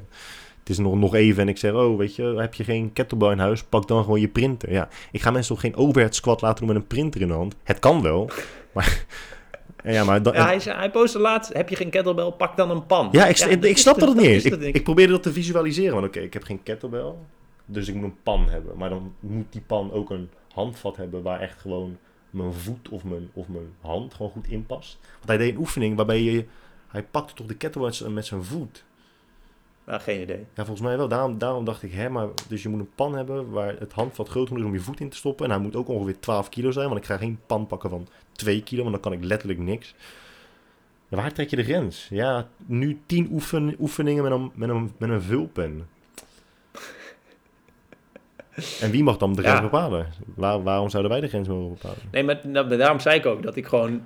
En ik, en ik, heb het, ik zeg het ook wel tegen Arie: van, dat hij zo'n enorme optimistische, blije dude is. Ja, volgens mij is dat, is dat alleen maar charmant. Dus ja, daar is ook niks op tegen. Daarom is dat boekje Fit ook zo populair, zeg maar. Hmm. Dat het gewoon, ja, dat gaat uit van alle mogelijkheden. Wat kan er wel? Dus dat is top. En zo zal waarschijnlijk het boek vol hard ook zijn. Maar het slaat op een gegeven moment echt nergens op om een oefening te laten zien met een trap. Dat, dat, ja, dat is, dat is niks. Ja, dat, dat slaat wel ergens op voor mensen die dus op een boerderij wonen met 12.000 vierkante meter grond. Maar iemand die in Rotterdam Centrum woont, ik weet niet eens hoe een trap eruit ziet. Want ik heb het nog nooit in mijn leven hoeven gebruiken. Ja, maar je kunt er gewoon niks met een trap. Een Nee. soort van, ja. Ja, Dus dan, zegt, zegt, ja, ja en, en, dat, en dat is het ook. Het is gewoon content moeten creëren. En elke keer vernieuwing, vernieuwing, vernieuwing, vernieuwing. ja, maar ieder, het is het, hetzelfde, hetzelfde, hetzelfde. Dat Ja. is hoe mensen populair worden, toch? Ja, maar elke keer met een ander Gewoon- voorwerp. Ja, maar, ja, maar, I don't know. Hij doet wel beter En, dan en, een, en, gespo- en zijn gesponsorde post is trainen met een auto. Heb je die Maar dat heb gezien? ik ook gezien met een Jeep. Ja, ja, ja. Dat zou, ik zou daar ook wel een video over maken als ik een gratis auto zou krijgen. maar het zou indrukwekkend zijn als, hij een overhead press doet met zijn auto. Of een deadlift met zijn auto. Ja, een deadlift met je auto is wel echt cool. Misschien moeten we toch een keertje Arie uitnodigen om eh, als eerste gast te zijn op onze, op onze podcast. Ja. ja, dat is wel een goed idee. Dan kunnen we hem aan de tand voelen. Hij woont bij in de buurt, toch? Over- Oh nee, nu niet meer natuurlijk. Hij is verhuisd. Waar woont hij, waar woont hij nu eigenlijk? Ik weet niet. Drenthe of zo? eh, nee, is- volgens mij is het wel vlakbij Amsterdam. Ja. Maar ik weet niet eh, precies. Drenthe. eh, ja. Drenthe dus. Mooi man. Oké. eh, Eh, oh, maar ja, maar, ik zag dus ook Q&A's voorbij komen. Dat, dat wilde ik nog zeggen. Dat, want ik, ik, ik vind het ook wel leuk om mensen die ik, ik sympathiek vind, om dan het boek te kopen. Niet dat ze mij, mijn aankoop nodig hebben, maar het is wel leuk om te, te geven waar mogelijk. Eh, dus ik dacht, ja, ik, ik, koop, ik wil zijn boek ook wel kopen. Maar ik vind dat bij Arie dat, dat je nog te vaak tegenstrijdigheden ziet in soms heel erg evidence-based. En dat ook nadrukkelijk vermelden. En dan soms dingen zeggen die echt tegen de wetenschap in zijn. En dat waarschijnlijk ook weten. Maar wat er dan vaak gebeurt is, ja, eh, dan, dan, dan, dan ehm, zeg je iets wat berust op eh, wetenschappelijke feiten, of objectieve feiten. En dan leer je iemand kennen die eigenlijk wel een toffe gozer vindt, bijvoorbeeld Wim Hofman of wie dan ook. En die zegt dan iets anders. Eh, maar omdat je dan die gozer tof vindt, verwerp, je je wetenschappelijke visie, je wetenschappelijke blik. En luister je maar gewoon naar wat, wat die gozer zegt. Bijvoorbeeld dus met, met het afvoeren van gifstoffen eh, door in de ochtend voor het ontbijt te gaan wandelen. Ja, dat, dat, daar maak je echt meer kapot dan dat je er goede dingen mee doet. Want je maakt mensen Ja. gelijk weer obsessief. Mensen die dan wakker Ja, worden en denken, oh, ik dat- moet nu gelijk gaan wandelen. Ja, maar sowieso al soort van, de, die heb ik toevallig ook gezien, die vraag, die vraag van, moet ik, moet ik voor of na mijn ontbijt wandelen? Of moet ik, eh, ja, moet ik ontbijten voor of na mijn wandeling? Ja, who gives a fuck? Echt, wat, wat is dat nou weer voor vraag? Eigenlijk moet hij dat zeggen. Zo van, ja, Gozer, gozer, wat is dit voor vraag? Ja, maar dat, dat komt natuurlijk omdat die, die, die man of die vrouw die dat vraagt, die heeft al een keer ergens op een verjaardag van iemand gehoord. Wist, weet je, dat, dat zegt tante Truus altijd met 12 kilo overgewicht. hey, wist je niet dat je beter voor het eten kunt gaan sporten of kunt gaan wandelen? Want dan verbrand je al je lichaamsvet en niet het eten dat je daarna eet. Of het eten dat je hebt gegeten. En daarom stelt hij Ja. die vraag. Ja, en Arie is dan weer zo'n lieve guy die dan zegt van... Ja, en als je soms dan, eh, als je een beetje trillerig wordt... eh, door eh, te gaan sporten voordat je hebt gegeten... Ja, dan moet je een banaan of een handnoot eten. Dat is dan wat hij zegt, zeg maar. Een soort van, oké, maar het is, het is voor iedereen is er, is er plek Ja, op de wereld. ja, en dat is, dat is dus vet mooi. Alleen dat, de uitwerking daarvan is vaak ja, best wel kut. En op de lange termijn echt, echt schadelijk. Ja, want dat is inderdaad het mooiste punt. En dat is ook het punt dat mensen het meest vatbaar zijn voor verandering. Dat ze echt in een, in een, in een eh, in een twijfelzone verkeren. En dat ze denken, oké, ik moet hier iemand op vinden die mij het vlosse antwoord kan geven. En dan eh, is social media daar een waanzinnig platform voor. Omdat mensen die normaal gesproken heel ver van je afstaan, staan nu uh, dicht bij je. Die kan je dan een vraag stellen. En in plaats van dat het gewoon echt een duidelijk en soms misschien wat hard antwoord zou moeten zijn, is het dan weer een, ja, het kan uiteindelijk toch wel allebei. Kijk maar wat je doet. Als dit gebeurt, dan dat. En als dat gebeurt, dan zo. Ja, dat is niet, uh, dat is niet Tom. Nee. Voor de mensen die dus twijfelen, het maakt dus inderdaad geen uh, reet uit. Het, het, maakt inderdaad ook gewoon echt niet uit. Maar mensen denken soort van dat, dat zodra jij je bewustzijn verliest, als je dus naar bed gaat, dat alles dan uitgaat, het lichaam gaat dan uit, alsof je computer uitzet. Geen enkel proces draait door. En dan s ochtends ontwaak je weer, dan gaat de aan, de startknop die, die, die gaat weer aan. En dan gaat de machine weer draaien. Mensen denken zo over het lichaam. Dat je elke keer reset ook of zo. Het is echt bizar hoe overgesimplificeerd mensen naar zoiets complex kijken. Ja, nieuwe dag, nieuwe calorieën, guy. Ja, zo, ja, zo denken mensen je wel. Kunt, ja, maar je kunt beter je gevulde koek na 12 uur eten. Want dan, Dan telt nieuwe voor de volgende dag. Ja. Je lacht, hè, maar, maar je, je, je bent je van bewust dat er mensen zijn die dat echt denken, toch? Ja, tuurlijk, tuurlijk is, dat, is dat zo. Maar het, ja, het, is, het kutte is dat het ook wel weer te verklaren is. Alleen het slaat nergens op. Om, omdat je een soort van simplificatie doet van oké, iedere dag zoveel calorieën. Wat sowieso al een beetje raar is. Ja, dan, dan is dat zeg maar wat eruit komt. Dat, je, dat je om, eh, om drie over twaalf een gevulde koek kunt eten. Want de staat weer op nul. Ja, dat is heftig. Maar goed, wij hebben nu ook totaal geen antwoord gegeven. Wij hebben nu ook echt alleen maar geschoten en af, dingen afge, afgemaakt. Maar voor de luisteraar is nu niks duidelijker geworden. Maar goed, dat geeft niet. We Dat- kunnen ze vragen stellen. Ja, precies. Dat zou mooi zijn. Ja. Ehm, ja, corona hebben we, moeten we het even kort over hebben. ja, daar moeten we het over hebben. Ja. Jij mag aftrappen. Nou, ik, ik zag dat er iemand die op vakantie was geweest in Tanzania. En eh, in de, of die was in Tanzania. En op dat moment, ik was dus in Zuid-Afrika op dat moment ook. En toen werd duidelijk dat als je terug wilde keren naar Nederland, dat je dan een negatieve PCR-testresultaat moet hebben. En die persoon in Tanzania, die had een rechtszaak aangespannen. En die zei, nou dat wil ik dus niet. Want ik ben gewoon Nederlander. En ik wil niet dat jullie eisen gaan stellen op mijn terugkeer naar mijn land, zeg maar. Ik ben gewoon staatsburger. Dus ik wil geen... eh, ik wil geen voorwaarden, aan voorwaarden voldoen. Ik kom gewoon binnen. Ja. En bovendien, toen ik eh, wegging, eh, was die regel er nog niet. Dus ik doe dat niet. En die heeft gelijk gekregen. En toen ik ging erover nadenken, toen dacht ik, ja, dat is wel echt iets moois. Of zo. Dat je gewoon dat, dat kunt doen en dat kunt vinden. Dat je gewoon, net, net zoals dat, er gingen stemmen op dat mensen vliegreizen zouden willen verbieden. Of Schiphol dicht, zeg maar. Mhm. Maar dat is, dat is echt heel Noord-Koreaanse praktijken, zeg maar. Om zo mensen hun bewegingsvrijheid in te perken. Mhm. Dus ik dacht, ja, ik vond het wel mooi. Een soort van, ik heb wel die test gedaan en ik heb niet moeilijk gedaan. Maar ik dacht wel, ja, dat is, ik, ik ben het hier wel mee eens eigenlijk. Nou, ik dacht daar ook vandaag nog over. Ehm, over na. Omdat de kans dat de lockdown verlengd wordt, is natuurlijk gewoon heel groot. Ik ga er ook gewoon nu eh, helemaal vanuit dat dat gaat gebeuren. Eh, in Duitsland hebben ze het alweer verlengd. In, in het Verenigd Koninkrijk is weer een volledige lockdown. Je, je mag niet eens de straten op, tenzij je dus naar de apotheek gaat of naar eh, de supermarkt. Verder mag je gewoon juist niet uit.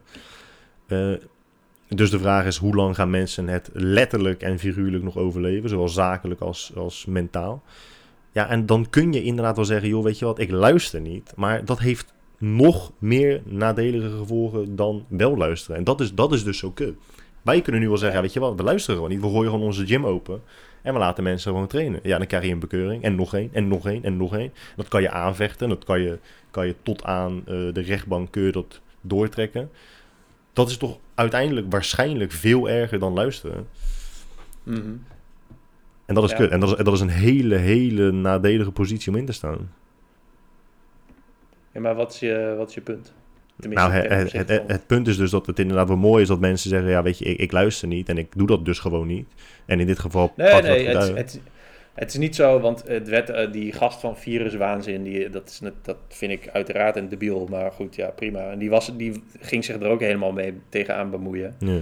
Ja, dat, dat vind ik dus helemaal niet. Maar ik vind het wel mooi dat, dat je gewoon. eh, ehm, dat je het aan de kaak kan stellen, zeg maar. Ja. Dat, het, dat het inperken van, van, van burgerrechten, net zoals, en dat heb ik ook al een keer eerder gezegd, dat de overheid zich bemoeit met hoeveel mensen je thuis uitnodigt. Ja, dat, is, dat, is echt, dat is echt vreemd hoor. Dat, je, dat ze gewoon gaan bepalen hoeveel mensen je uitnodigt. Ja, dan mag ik toch godverdomme zelf weten. Het is mijn eigen huis. Ja, maar ik, ik, ik, ik, weet ook hoe jij denkt. En ik weet ook dat jij het ermee eens bent dat uh, bijzondere maatregelen getroffen worden op, uh, of tijdens bijzondere um, periodes. Dus op buitengewone uh, situaties vereisen ook gewoon buitengewone interventies vaak.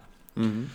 Tot dat, dat, dat, dat vind jij ook. Maar ik vraag me wel af op welk punt inderdaad de burger gewoon zegt. En, en nu is het gewoon klaar. En, en dan bedoel ik niet dat ze op Instagram zeggen: wij vinden dit stom. Maar ik bedoel gewoon echt good old fashioned fucking hooivorken. Dat ze daarmee de straat op gaan. Dat, dat moet op een gegeven moment komen. Want je wordt echt heel. Oh ja, dat wil ik zeggen. Ik kreeg dus vandaag een overzicht met wanneer mensen in Nederland gevaccineerd gaan worden. Heb je dat overzicht gezien toevallig? Ja. Wat vond je daarvan? Ja ervan uitgaan dat we hetzelfde overzicht hebben gezien? Of misschien, misschien interpreteerde ik het gewoon niet goed hoor. Nou, ik zag, uh, oké, ja, wat ik ervan vond. Ja, ik heb er eigenlijk niet echt een mening over. Ik zat meer te kijken gewoon naar mezelf. Toen dacht ik, oh, ik sta op die onderste groep. Ik word uh, ergens gevaccineerd tussen het tweede en het, uh, of in het tweede of het derde kwartaal. Volgens mij is dat, was dat mijn conclusie. Ja, maar dus, ik. Ja, dus ik, ja, oh nee, ik heb niet eens groepen gezien. Ik heb alleen maar gezien dat, dat mensen van 18 tot en met 60 jaar met een medische indicatie tussen eind februari en 1 oktober gevaccineerd worden. Um, en dat dus inderdaad het normale volk dacht, dat was, mijn, dat was mijn aanname, dat klopt dan waarschijnlijk niet, pas erna. Of worden die ergens in het midden van die behandeling, van die vaccinaties, wordt dat dan gestart? Wie daarna? Wie zei je? Dus mensen zonder uh, onderliggend lijden. Dus mensen met een ja, medische mij... indicatie tot uh, tussen eind februari en 1 oktober. En mijn waarschijnlijk onterechte aanname was dat mensen die gezond zijn daarna pas gevaccineerd worden. Uh, nee, die worden een beetje tegelijkertijd. Volgens mij is er op een gegeven moment heel veel overlap. Ja, oké. Okay, oké. Ja, dat, dat kon ik dus niet opmaken uit dit lijstje. Oh, hier staat mensen van 18 tot 60 jaar. Het is een beetje begin tweede kwartaal tot eind derde kwartaal. Maar het is toch raar dat een relatief kleine groep, want mensen met een medische indicatie zijn volgens mij een kleine groep dan mensen zonder, dat daar gewoon acht ja, die maanden periode is Ja, die, periode is langer inderdaad. Wat je zegt, het is ongeveer uh, uh, 7, 8 maanden. Maar, de, maar de, de aanname die iedereen doet, dat het dan vanaf het eerste kwartaal 2021 wel weer een beetje zal normaliseren, klopt ook gewoon echt totaal nu. Uh, Want er, waarom niet? Omdat er ook nog eens een paar weken tussen uh, de vaccinaties zit, de eerste en de tweede, toch? Mm -hmm. Dus waarom zou het... Waarom... Oh ja, shit. Ik zit echt ik zit in die Twilight Zone, man. Ik dacht, oh, 2021 is volgend jaar, maar dat is natuurlijk dit al dit jaar. ja, nee, het gaat nog zeker heel kut worden tot uh, september, lijkt mij. Ja, dat idee heb ik dus ook. En ik, ik ging er ergens stiekem vanuit dat, ik, uh, uh, dat, dat het inderdaad ook het eerste kwartaal weer een beetje zou normaliseren. Maar dat zit er niet in. Ik, had, ik deed nogmaals dus de juiste aanname dat het vaccineren veel sneller zou gaan.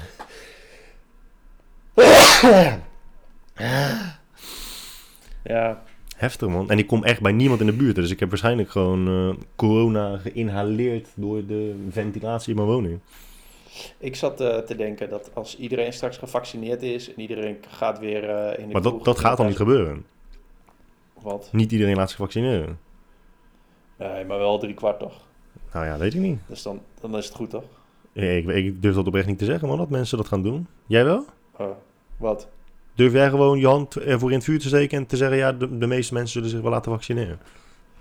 Uh, ja, Volgens mij zijn er gewoon, dat zijn er gewoon onderzoeken naar dat ongeveer drie kwart het al wil. En dan. Oh, mooi. Ik denk, uh, denk dan dat uiteindelijk dat andere, ja, dat andere kwart is gewoon de mensen die dat heel erg kut vinden. Dat zijn er echt. Uh, Relatief weinig. Die, vi die vinden dat er 5G-masten in het vaccin zitten. en hey. dat, zijn echt, dat zijn echt 34 mensen, toch? En dan heb je nog. Ja, nou, en die volg ik allemaal op Instagram. En dan heb je nog allemaal YouTubers die vinden, ik doe mijn eigen onderzoek. Die, terwijl die godverdomme nog niet eens een Suske en Wiske kunnen lezen. Ja, dat is wel, dat is wel heftig. Dan heb, je, dan heb je die, zeg maar, die dan, ja, I don't know. Ja, dat is ook, een, dat is ook niet zo'n groot groepje. Ja, ze, ze voelen groot, laat ik het dan uh, op die manier... Uh... Ja, zijn gewoon luid. Zijn voelengroot is ook niet echt de beste Net zoals wij, wij met ons enorme bereik. Mensen die dit luisteren denken ook dat, eh, dat alle eh 30-jarige witte dudes in Nederland met z'n tweeën een podcast hebben. Zo wit ben ik niet hoor. Jij bent echt een heel stuk witter dan ik. Ja, Ik ben eh, ja. redelijk wit. ik ben zelfs zo wit dat als wij zouden mengen, dat er alsnog twee witte mensen... Dat het alsnog, appel, dat het alsnog mayonaise zou zijn. Ja, ik ik begin echt nu ook te merken, en ik heb helemaal geen groot publiek, echt totaal niet, maar ik begin echt wel steeds meer te letten op wat ik zeg. Dat ik echt denk, ja, hier, hier moet je gewoon over nadenken voordat je dit zegt. Ik had het toevallig laatst met mijn ouders over, dat, en dat is, ook, dat is ook zo stom, maar het wordt je gewoon opgelegd. Als ik langs een speeltuin loop waar kinderen aan het spelen zijn, doe ik echt mijn best om niet te lang te kijken. Hè? Ja, dat is toch, dat is toch echt bizar. en het grappige is, en, mijn vader, mijn vader is echt zo een, een Noorse, Hollandse vent die daar echt, als je hem zou zien, zou je ja, daar heb je geen seconde over nagedacht. Maar hij zei, ja, ik, ik, snap, ik snap echt wat je bedoelt. Ja, je, je, kan, je kan tegenwoordig niet meer te lang naar iemand kijken zonder dat je uitgemaakt wordt voor fucking kinderlokken. Maar ook met, met racisme en zo. Ik, weet niet of je het gisteren hebt gezien op Twitter, maar uh, Nassim Taleb postte een video van een of andere congressman en die, die, die zei dus amen, als in amen, en a woman. A women. Ja, daar gezien, eindigt hij zijn boodschap mee. En dan denk ik, gozer, amen heeft echt helemaal niets met geslacht te maken. Maar alleen maar omdat er nu al dus men in staat, moeten we ook a women gaan zeggen. Het heeft helemaal niets met geslacht te maken. Behalve dat het dezelfde letters zijn als het woord men. Nou, dat is echt... Het is zo, het is zo betreurend, bedroevend. Ja. Maar aan de andere kant is dit ook weer gewoon één iemand van alle mensen die amen zegt. Van iedereen die amen zegt. En dan, dan is er eentje die zegt amen en a women. Ja, dat, dat is dan wel. Maar je weet hoe het gaat. Dat, dat, dat wordt dan gelijk weer... eh, eh, hoe noem je dat ook alweer? Dat, oh, dat het viral gaat. Het gaat gelijk viral op social media. En dan ziet, ziet natuurlijk elke radicale feminist, die ziet dat. En die denkt, ja, inderdaad. Nu je het zegt. Ik heb daar nooit bij stilgestaan. maar, maar nu je het zegt, het woord... Ja, het woord amen. Wist je dat dat woord ook seksistisch is? Ja. Gozer. Op welk punt mag ik jou gewoon in je oog steken met een veel Dat mag, dat mag sowieso, ja. Ja, het is, het is, eh, maar wat betekent het? Want Nassim, Nassim Taleb maakt er daar dan weer ruzie over, toch? Nee, dat, dat weet ik niet. Het, het, heeft, het, heeft, het is letterlijk een uiting van, van geloof, toch? Of van, eh, van eh, eh, overgave, of... of, of, of ehm, ja, zeg jij het maar. Jij hebt gezien dat hij Ja. dat hij er ruzie over heeft gemaakt. Ik ga het even snel googlen. En, en Taleb. Amen is, is Semitic for I, I believe so. I believe so. Semitic. Semitic. En net dan daarop reageert iemand. ehm, Eh, Amen is Hebrew. There's no Amen. such thing as Semitic. There's only Semitic languages. En dan zegt Taleb. I block idiots, sorry. Maar wie heeft gelijk dan? De, de aanname is natuurlijk om heel snel te zeggen dat... Of de, de, de aanname die we snel zouden doen is zeggen... Ja, Taleb heeft gelijk. Hij zegt, eh, Amen means trust. Wie zegt dat? Taleb. Ja. Trust of faith. Is, eh, amen is literally profession of faith. Oké. Oké, oké, oké. En, en Taleb. Maar goed, het, Maar hij zegt Semitic. Semitic. Waar staat het dan? Oh, hier. Oh, Semitic, ja. In Semitic languages. En die gozer zegt... There is no Semitic.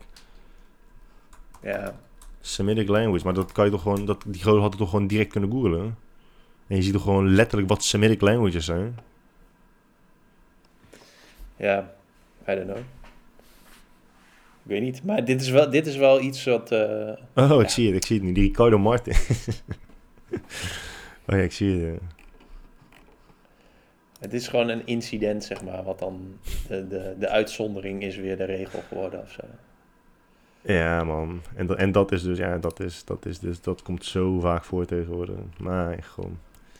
Mijn hemel. Ik weet niet, ik weet niet wat, wat mag. Ehm a woman. A women. Mooi, hè? A women. Eh, ja, we moeten nog één dingetje, eigenlijk, één ding is nog wel even belangrijk om te noemen, een Instagram account. Omdat het een mooi account is. Ja, Joey B. Joey- Tunes. Joey B. Tunes. T-O-O-N-Z.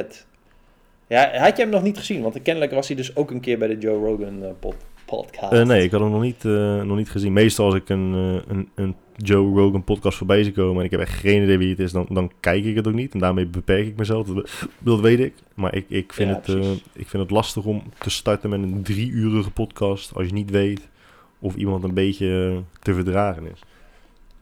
Maar ja, sowieso gaat het vaak over DMT, aliens en chimpansees. Oh ja, daar hebben we het ook niet over gehad. Over die 180 dagen countdown. Heb je dat meegekregen? Ja, ik, ik zag dat Joe Rogan het posten en jij ook. Ja. En dat is het enige wat ik, Ik heb postte het eerst en toen dacht Joe Rogan ook, hij heeft het gepost. Ik post het ook. Ja, klopt. Dat was wel de volgorde. ja, ja, ja, ja. Ja. Ehm, ja, maar er is nu dus een, een bill gepast. En ik ben altijd heel erg slecht in dingen vertalen naar het Nederlands. Maar eh, een wet aangenomen. ja, er is een, een COVID-wet aangenomen. En in die wet, ergens onderin in de kleine letters, staat ook... Dus dat, eh, dat er vanaf dat moment 180 dagen afgeteld worden. En dat binnen die 180 dagen countdown... Dat... eh, eh, hoe noemen we dat nou? Intelligence agencies. Hoe zeg je dat in het Nederlands? Intelligentieagenten. Inlichtingendiensten. Intelligentieagenten. Inlichtingendiensten. Inlichtingendiensten. Dat zij, dat zij verplicht worden om met de Amerikaanse overheid te delen wat zij nu allemaal weten over buitenaards leven en, en UFO's. UFO's. Dat betekent natuurlijk niet dat het volk eh, het te weten gaat komen. Maar ja, ik vond het gewoon bizar dat, dat in 2020 dat al die video's ook vanuit het Pentagon werden, werden gepubliceerd. Van die eh, tot nu nog steeds onverklaarbare eh, over, die, over, die, over die UFO's. Of die, die, die, dingen, die dingen. Die. Godverdomme zeg. Ik ben helemaal de draad kwijt. Ruimteschepen. Die ruimte. Die, Vliegende ah, schotels. die ze hebben gefilmd, die, de, die, die, die maakten in ieder geval bewegingen die geen enkel voertuig die wij kennen in ieder geval zouden kunnen maken. Ah, En dat ze dus wel willen weten, ja, wat was het? En dat is gewoon, eh, dat is gewoon heel erg bizar. En toen kwam er dus weer iets uit dat er in Hawaii iets gefilmd is, wat de zee inviel, de oceaan inviel. Oh, ja. En ik ben, je weet het, ik ben echt geen complotdenker, helemaal niet. Maar het is wel gewoon grappig dat dat, dat nu dus... eh, ja, ik ben benieuwd. Ze kunnen toch gewoon zeggen van... eh, ja, nee, eh, we hebben geen intelligence erover. En dan alsnog het hebben. Ik bedoel, ja, wat zegt dit nou? Ja, dat, dat, dat is ook zo. Dat is ook absoluut waar. En nogmaals... Weet je wat ik denk? nou, Weet je wat ik denk? Met buitenaardse wezens? ze moeten naar een eigen land. Ze moeten sowieso oprotten. Als ze komen hier onze banen inpikken. Nee, maar eh, ja, dit wordt echt de, de, de Bros to Bro podcast van twee dudes die, die tegen elkaar aan het zeiken zijn. Want we hebben nu corona, bitcoin, eh, social media en skincare, beard, dingen gehad. Maar, eh, keer. beardcare. Maar hoe kan het, zeg maar, dat... Het moet toch wel heel toevallig zijn dat wij op dit punt in onze evolutie zijn. En dat er een andere levensvorm precies op hetzelfde soort punt is. Dat ze wel onze planeet bezoeken, maar niet echt dingen doen of zo. Even komen kijken of per ongeluk neerstorten of zo. Ook gewoon een soort van, weet ik veel, 500 jaar verder zijn in, hon, in hun evolutie qua intelligentie of zo. Maar, dat maar, vind ik gewoon raar. maar waarom doe je de aanname dat ze even ver zijn dan? Gewoon omdat ze gewoon met een ruimteschipje. Het is, al, het is heel erg een soort van. ehm, hoe zeg je dat altijd? Dat je zo de mens centraal zet. Ja, ja, ja. Het is heel erg. Oh, het zijn ook wezens met beentjes en armpjes en een hoofdje. En ze hebben ook een voertuig. En ze communiceren ook met geluid of met licht of radiogolf of zo. Ja, dat vind ik gewoon, dat vind ik gewoon raar, zeg maar. Ja, de, ik weet dat jij hem eh, soms vervelend vindt, maar Neil deGrasse Tyson, die heeft daar dus ook een, een, een- een stelling over ingenomen. Die zegt ook dat je ziet gewoon, eh, ook inderdaad kijkende naar evolutie, dat, dat superieure soorten eh, inferieure soorten eh, observeren. Voor welke reden dan ook. Wij doen dat ook heel veel natuurlijk. Wij zetten ook diertjes in de Ah. dierentuin en dan kijken we wat ze doen. En we onderzoeken ze en we willen precies weten waarom ze dat doen en waarom gaan ze de anus in in plaats van de vagina, terwijl de anus helemaal niets eh, met voortplanting te maken heeft. En waarom stop je hem daarna in iemands mond vrijwillig? Dat je, ja, en hij zei, ja, zou, dat zei hij niet letterlijk, dat is mijn draai, maar hij zei van ja, het zou kunnen, eh, ook al zijn ze maar 1% verder dan dat wij zijn, zijn wij voor hun al in zoveel opzichten inferieur en kunnen ze eigenlijk niet anders doen dan ons een beetje ja, observeren en onderzoeken. Eh, Uit interesse. Ja, maar waar... Uit interesse. Maar eh, ehm, de- ik ben echt de, de biologie bro hoor. Maar waarom, waarom hebben ze dan toevallig ook ogen en een mond en een neus? Nee, Dus dat- als- dat- als je, Dat, dat, dat zeg ik niet. Dat, dat zou inderdaad kunnen. Het kan zijn dat ze... en, en zitten ze in, eh, in een schip. Een soort van, waarom is er niet... Nee, je kunt natuurlijk niet bedenken wat, wat een betere vorm van eh, verplaatsen en communiceren is. Omdat als je het hebt bedacht, dan kun je het ook maken. Maar ja, dit vind ik gewoon vreemd. Ja, wij kunnen- Net zoals wij- wij die, kunnen film, die film die jij, die jij eh, stuurde, District 9. Ja. Dat zijn, ja, het zijn een soort buitenaardse wezens, maar ze lijken op mensen. Want we, wij hebben dan een soort idee van, oké, dat is de soort van, de, als iets intelligenter is, dan zijn wij het. Maar dan een soort intelligenter, in- intelligentere versie dan wij. Maar waarom Ja. is superintelligentie niet gewoon een wolkje of zo? Nou, sowieso, als, als, als je ehm, meer wilt doen en als je op, op meerdere planeten wilt kunnen leven en kunnen bestaan, dan moet je dus bijvoorbeeld sneller kunnen reizen. Eh, dus het kan zijn dat er soorten zijn die eh, sneller kunnen reizen dan wij kunnen, zonder dat ze uit elkaar spatten. Dus dat zou al een verschil kunnen zijn. Dus dat, dat, dat buitenaards leven wel naar ons toe kan komen, maar andersom niet. Omdat wij gewoon nog niet de voertuigen hebben bedacht die ons in staat stellen en waarom, waarom zouden zij dan ook willen reizen zoals wij dat doen? Want het kan zijn dat de bronnen van hun planeet, dat die ook uitgeput zijn. Zoals, waar, zoals eh, wat onze toekomst ook hoogstwaarschijnlijk gaat brengen. Hmm. En ehm, ja, hoe ze communiceren en zo. Nee, ja, daar, dat klopt. Dat, dat, dat weten we allemaal niet. Dat, dat, eh, dat weten we niet. En of ze Nou oogjes en armpjes en beentjes hebben, ja, dat is gewoon... eh, wij bestaan ook omdat we... ehm, het eindresultaat van hoe wij er nu uitzien... is toch ook gewoon de continue aanpassing naar de omstandigheden, naar de omgeving. En als je als, als een planeet aan bepaalde voorwaarden moet voldoen om het überhaupt leefbaar te maken voor, voor, voor bacteriën alleen al, laat staan voor ver geëvolueerde eh, soorten, dan is het dus ook logisch dat op andere planeten de omstandigheden ongeveer waarschijnlijk gelijk zijn. Ehm, en de, de, de, de, de, de bewoners daar ongeveer er hetzelfde uitzien als wij, maar misschien, misschien verder. Ze zeggen toch ook dat over een miljoen jaar, als de aarde ooit zou vergaan, dat de mensen op dat moment er niet meer uitzien zoals wij. Omdat we zodanig verder zijn geëvalueerd. Dat vind ik een hele enge gedachte, maar wel logisch. Ja, Bijvoorbeeld, we zullen, we zullen, we zullen waarschijnlijk geen tanden meer hebben. We zullen waarschijnlijk geen eh, haar meer hebben. Frontale kwap, weet je, dus je, de, de- wat bij je voorhoofd zit. We krijgen waarschijnlijk een heel, heel, heel, heel groot voorhoofd. Omdat we steeds logischer, steeds rationeler gaan denken. En daar zorgt de frontale kwap voor. Dus dat soort dingen. Dus uiteindelijk ben je dus gewoon nog een haarloze, gebitloze engnek. Maar wel met een goede beardcare en skincare routine. en super slim. en super slim. En super fit weet- door het trainen met een ladder. Wat? En super fit omdat je hebt getraind met een ladder. Oh ja, ladder. Oh. Ja, mooi man. Eh, Oké, nou we zijn er door man. We hebben alleen PTR de Vries nog niet gehad. Ja, ik, ik weet ook niet waar, het- waar het over gaat. Nou, het is, er is een eh, programma dat heet Promenade. En dat keek ik nooit. En ik zag alleen mensen op Twitter erover posten. En eh, ik, ik zag altijd korte stukjes en ik snapte er geen reet van. Maar nu ging ik het kijken. Omdat ik in het hotel in, eh, in Kaapstad had ik lekker een bad. Ja, Toen ging ik lekker iedere avond in bad. En dan ging ik een beetje promenade kijken. ja. En ik vond het fucking grappig. Wat is En promenade? Ik weet niet wat het is. Ja, het is een satirische eh, programma dat eh, talkshows, late night talkshows, eh, persifleert.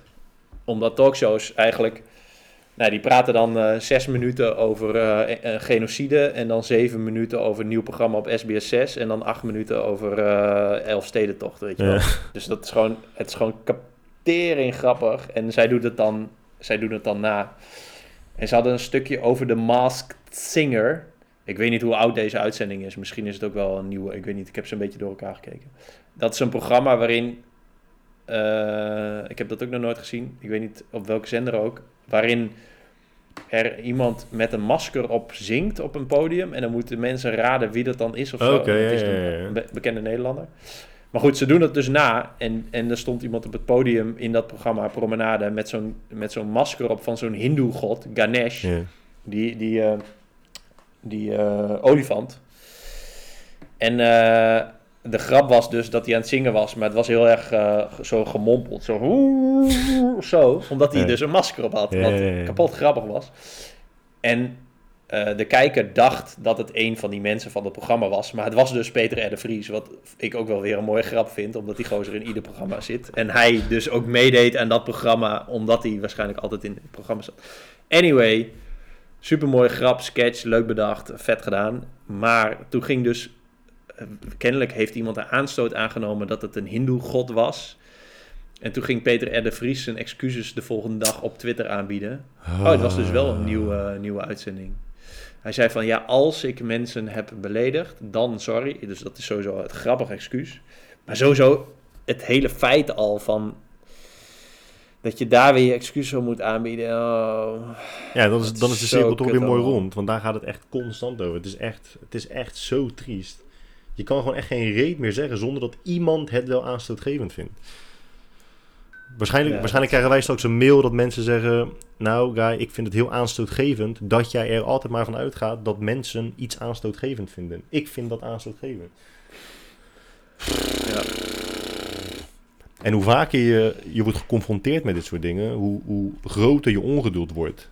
En dan, je wordt dan op een gegeven moment ook wat, wat, wat, wat zagrijnig, wat meer kortaf. En dan schiet je sneller uit je slof. En dan zeg je op een gegeven moment tegen iemand, kan je niet even een tijdje je bek dicht houden met je gezeik? En dan ben je daarom weer een lul. Ja, ah, klopt. Maar hoe passen wij in dit, in dit dan? Want wij lopen ook te zeiken op details in deze podcast. Dus eh, Ja, weet je wat het, ik, ik kan me heel goed voorstellen dat als je mensen... kunt als Coolblue niks meer goed doen. Of niks meer verkeerd doen. Nee, ik, kan, me- ik kan me heel goed voorstellen dat als mensen eh, ons horen, dat ze dan denken dat wij vinden dat niemand maar een mening zou mogen hebben, dat iedereen maar alles zou moeten accepteren en dat niemand iets ook maar aanstootgevend zou moeten vinden. Dat, dat is het niet. Maar het is gewoon, je, je ziet dat het steeds erger wordt en het lijkt erop alsof mensen dat niet doorhebben. Ehm, en het is zo moeilijk om ergens de grens te trekken. Dus waarom doen we dat dan niet gewoon nu? Waarom is het nou zo moeilijk om naar iets te kijken waarvan je weet dat het een grap is? Om gewoon te zeggen, ja, weet je, ik, ik vind dit niet grappig. Ik, eh, ik vind het zelfs een beetje beledigend. Maar het is een fucking grap. Dus het is niet de bedoeling om jou te beledigen. Jij kiest ervoor om A, beledigd te worden, maar dan B, vervolgens ook nog die persoon een bericht te sturen en te zeggen, ik vind dit echt heel erg beledigend. Ja, dat, dat hoeft gewoon niet. En waarom doe je dat dan wel bij mensen die je dus, zoals wij, gewoon een bericht kan sturen op je Instagram? En zit je niet met je fucking smoel bij Kevin Hart in het publiek en dan vervolgens zegt hij iets over... Oh nee, trouwens, heb je dat, gezien, heb je dat ge- gelezen? Eh, Nee, hij kreeg ook weer gezeik, hè, Kevin Hart. Eh, hij heeft toch een nieuwe show, Zero Fucks Given. Oh, geen idee. Ja, hij heeft een nieuwe show op, op eh, Netflix, Zero Fucks Given. Heeft hij bij zijn, bij zijn, bij zijn, bij een, bij zijn baby, hij heeft voor mij 29 baby's inmiddels, maar een van zijn baby's had dus zo'n onesie aan met Zero Fucks Given erop. Had hij op Twitter gezet en hebben mensen dus weer gezegd, we gaan echt eh, child support bellen, eh, child services bellen, want dit is echt eh, kindermishandeling, dit kan niet. ja, precies. Dat, dat is ook echt de enige gepaste reactie daarom. Ja. Want het is, het, is niet, het is niet zozeer dat ik vind dat onze mening superieur is en dat wij het beter weten. Maar wij kiezen er niet voor om constant onze mening bij specifieke individuen op te leggen. En dat doen mensen wel bij ons. Mensen sturen ons doelbewust berichten om te zeggen dat wat wij doen, wat wij hebben gezegd, of wie dan ook iets heeft gezegd, dat dat niet kan. En dat het beledigend is en dat je dat niet moet doen, want weet je wel niet dat en weet je wel niet dit. Ja, dude. Ja, maar dat is, dat is, ja, we hebben het er al een keer eerder over gehad. Dat is toch wat humor, zeg maar, is. Wat grappen maken is. Het is pas een goede grap als hij op het randje is, zeg maar. Ja, maar en, en, Of over het randje. Of, of dat het gewoon een ongemak veroorzaakt. Dat is het. En dat, en dat vinden wij grappig. En dan zeggen mensen, ja, dat vinden jullie grappig. Maar kijk maar naar bijvoorbeeld naar die en die. Die doen dat niet. Die doen gekke stemmetjes. Ja, dat is, jou, dat is jouw gevoel voor humor. Je, ik forceer jou toch niet om te luisteren of om te lezen. Daar kies je toch helemaal zelf voor. En als het jou niet zint, dan stop je daar toch gewoon mee. Ja. ja. Wat een kut mensen allemaal. En daarom krijgen wij nooit donaties. Oh nee, mensen. Ja, lastig. Ik vind, het is echt een lastig onderwerp. En nogmaals, eh, je je ziet het echt al de laatste jaren elk jaar weer verslechteren. En ik ben echt van mening dat het alleen nog maar erger wordt. Ik, en ik denk echt dat, dat de grens nog lang niet is bereikt. Nee, dat denk ik ook niet. Maar, maar, maar, dat is... maar als, je, als je het jezelf toelaat ook, hè, en dan echt nadenkt over waar ligt dan de grens. Het is niet eens heel gek meer om te zeggen dat er op een gegeven moment gewoon gezegd wordt... ja, zwarte kleding mag niet meer gedragen worden. Dat mag niet meer, want dat is zwart. Gele kleding mag niet meer gedragen worden, want geel, mensen associëren het woord geel met eh, racistische uitspraken naar eh, Aziaten toe. Dus je mag geen gele kleding meer dragen. En wat denk je wel niet van de Joden tijdens de Holocaust met hun gele sterren? Dus geel dragen we niet meer. Maar ehm, ehm, ja, ik weet, ik, ik weet niet of het eh, precies, precies die kant op zal gaan. Maar waarom niet? Want als, want als je kijkt naar waar mensen nu al een probleem van maken, en dat bedoel ik niet de Zwarte Piet, dat bedoel ik niet. Maar gewoon het afkraken en het aanstootgevende uit elke vorm van communicatie uitlichten. Ehm, ja, ja, waarom niet? Ik bedoel, je hebt toch ook eh, die, die vrouw in Amerika die een van de, een van de ehm, gerechten op een menukaart van een bepaald restaurant racistisch vond. En dus is het restaurant gevraagd om de naam van een gerecht aan te passen, want dat was een aanstootgevende naam. En ik, ik weet niet eens meer of er stond, maar er was niets aanstootgevend aan. Nou, ja, dat weet ik niet. Dat, ja, we moeten, nu, we moeten nu even googlen. En je moet, het, ja, je moet er nu ook gewoon gelijk antwoord ge- op geven. Als wij, als wij, een, men, Wat vind je daarvan, Jelmer? als wij in een samenleving wonen of leven waarin je je letterlijk met alles kunt identificeren. Je kunt letterlijk zeggen, ik identificeer me met Genghis Khan, dus jij moet dat nu zeggen. Daar hebben we het vorige week over gehad. Jij moet mij zo noemen. Ehm, ja, wat weer, weerhoudt mensen dan van om te zeggen, ja, dit woord vind ik aanstootgevend. Dus ik vind dat dit woord niet meer gebruikt mag worden. Nee, maar ik vind wel dat je een goed punt hebt, omdat ehm, ieder, iedere nieuwe, nieuw iets wat aanstootgevend is, is gewoon 3% anders van wat we inmiddels met z'n allen hebben geaccepteerd, zeg maar. Maar ja, als we dat dan weer ook weer gaan accepteren Ja. en je doet dan weer, dan, dan, dan op een gegeven moment heb je een soort van besef van, eh, hè, maar hoe zijn we hier nou weer terecht gekomen? Nou, dat komt dus door al die vorige stappen, zeg maar. En, ja, en, en, en dat, Dus dat, ja, is, maar- dat is nu zo. Maar volgens mij is de, de conclusie is gewoon, gewoon choose your battles, zeg maar. Ja, maar het is kut als je dus elke keer battles in wordt getrokken waar je niet, helemaal niet in wilt zitten. Ja, maar er zijn echt maar een paar dingen die, je die je, waar je invloed op hebt en waar je je best voor zou kunnen doen om ze te bestrijden. En de rest is gewoon echt de ruis, denk ik toch? Maar ja, dat, dat lijkt me wel lastig om dan te kiezen wat. Is ook zo, is ook zo. En de keuze eh, eh, om het te negeren is iets waar ik heel slecht in ben. Ja, Ik kan, het, ik kan het op dat moment wellicht eh, geen aandacht hoeven geven, maar ik ga er wel altijd over nadenken. En dan denk je echt, echt, echt waar? Ja? Is, is dit echt eh, waar we zijn beland? Ja. Ehm, en ja, en, en het, eh, voordat we gaan afsluiten, maar het is ook zo, zeg maar, omdat je, je wil een soort aansluiting houden met de maatschappij. Maar als de maatschappij dus de hele tijd die, die, dat, dat soort van kant opkruipt waar je niet naartoe wil. Maar ja, je wil wel een soort aansluiting houden. Ja. Dus je wil wel meegaan, zeg maar. Want als je zegt van, oké, ik, ik, ik sluit me af, ja, dan is het op een gegeven moment de, de maatschappij daar. En jij op een hele andere plek. Dat is ook kut. Dat is denk ik, dat is misschien nog, misschien nog wel vervelender. Ja. Dat is misschien Dus- wel vervelender. En dan, om, om, om af te sluiten, het is dus niet alleen, het is niet eens meer alleen maar de dingen die je wel zegt, die aanstootgevend zijn. Het soms niet benoemen van iets is ook al aanstootgevend. Zoals dus a man en a women. Dat er staat a man. En er staat dus geen women, dus de vrouwen worden niet benoemd. Terwijl de mannen ook al niet eens benoemd worden met dat woord. Dus dat moet je ook zeggen. Ik merk nu ook, vroeger als ik schreef, was het, stond er in een zin gewoon, eh, zei hij of je. Weet je, dan koos je soms gewoon het mannelijke woord en soms het vrouwelijke woord. En nu elke keer moet ik hij en zij, hij of zij. Weet je, altijd mannelijk en vrouwelijke. En dan doe je dat, maar dan weet, dan weet je dat er nu dus genderneutrale mensen zijn die zeggen: ja, maar ik identificeer me met geen van beide. Ja, wat de fuck moet je dan elke, elke zin zeggen? Ja. Ja, dat is kut, man. Let maar op. nu zijn het alle comedianten en zo die er eh, heel veel moeite mee hebben. Want die zeggen, wat jij ook zei, die zeggen hoogstwaarschijnlijk de meest extreme of meest aanstootgevende dingen. Maar auteurs gaan hier straks ook echt heel veel last van krijgen. 100%. Die gewoon geen normale boeken meer kunnen schrijven, omdat overal, dat ze met alles op de vingers worden getikt. Om alles Ja. op de vingers worden getikt. Oké Ja, man, laten we hopen van niet, man. Volgende boeken moet ik dus... eh, ja, oké. daarom ben je al vier jaar bezig met autonomie. Ja. Drie. Maar het wordt wel vier. Komt wel goed. Oké, nou, eh, bedankt voor het luisteren, mensen. Was gezellig, man. Nou, zeker. Denk je dat er mensen zijn eh, die dit bevolgen houden? Nou, sowieso. Als je mijn rants eh, doorspoelt. Ik denk dat de toffe Pierre Jules eh, wel tot nu heeft geluisterd. Die, die, had, die hoopte dat hij nog een keer genoemd zou worden. Nou, bij deze. Mooi. Ja. Oh, en uiteindelijk is het dus een vrouw. En dan zegt ze, oh, ik vind het echt heel erg dat jullie ervan uit zijn gegaan dat- dat ik een man ben. Oh, dat gaan we sowieso krijgen. Oh. Petronella Jolanda. Ja, Petra. Ja. Oh, ik vind het aanstootgevend dat je ervan uitgaat dat ik een Nederlander ben of een Belg ben. Hey, maar mensen mogen wel reageren met wat ze aanstootgevend vonden aan deze podcast. Alles. Guy stem. En, maar, is- en maar misschien is er wel iets wat, eh, wat heel erg aanstootgevend is. En dat wij dan, omdat we vinden dat niet, niet alles zomaar aanstootgevend kan zijn, dat we er overheen zijn ge- gaan praten, zeg maar. Kan natuurlijk ook. Dat zou kunnen. En dat, anyway. dat, zou ik niet, dat zou me ook niet verbazen, man. Dat zou me niet verbazen. Oké. Oké, nou laten we maar snel afsluiten. Oké, mensen bedankt voor het luisteren. Check peenuien.nl.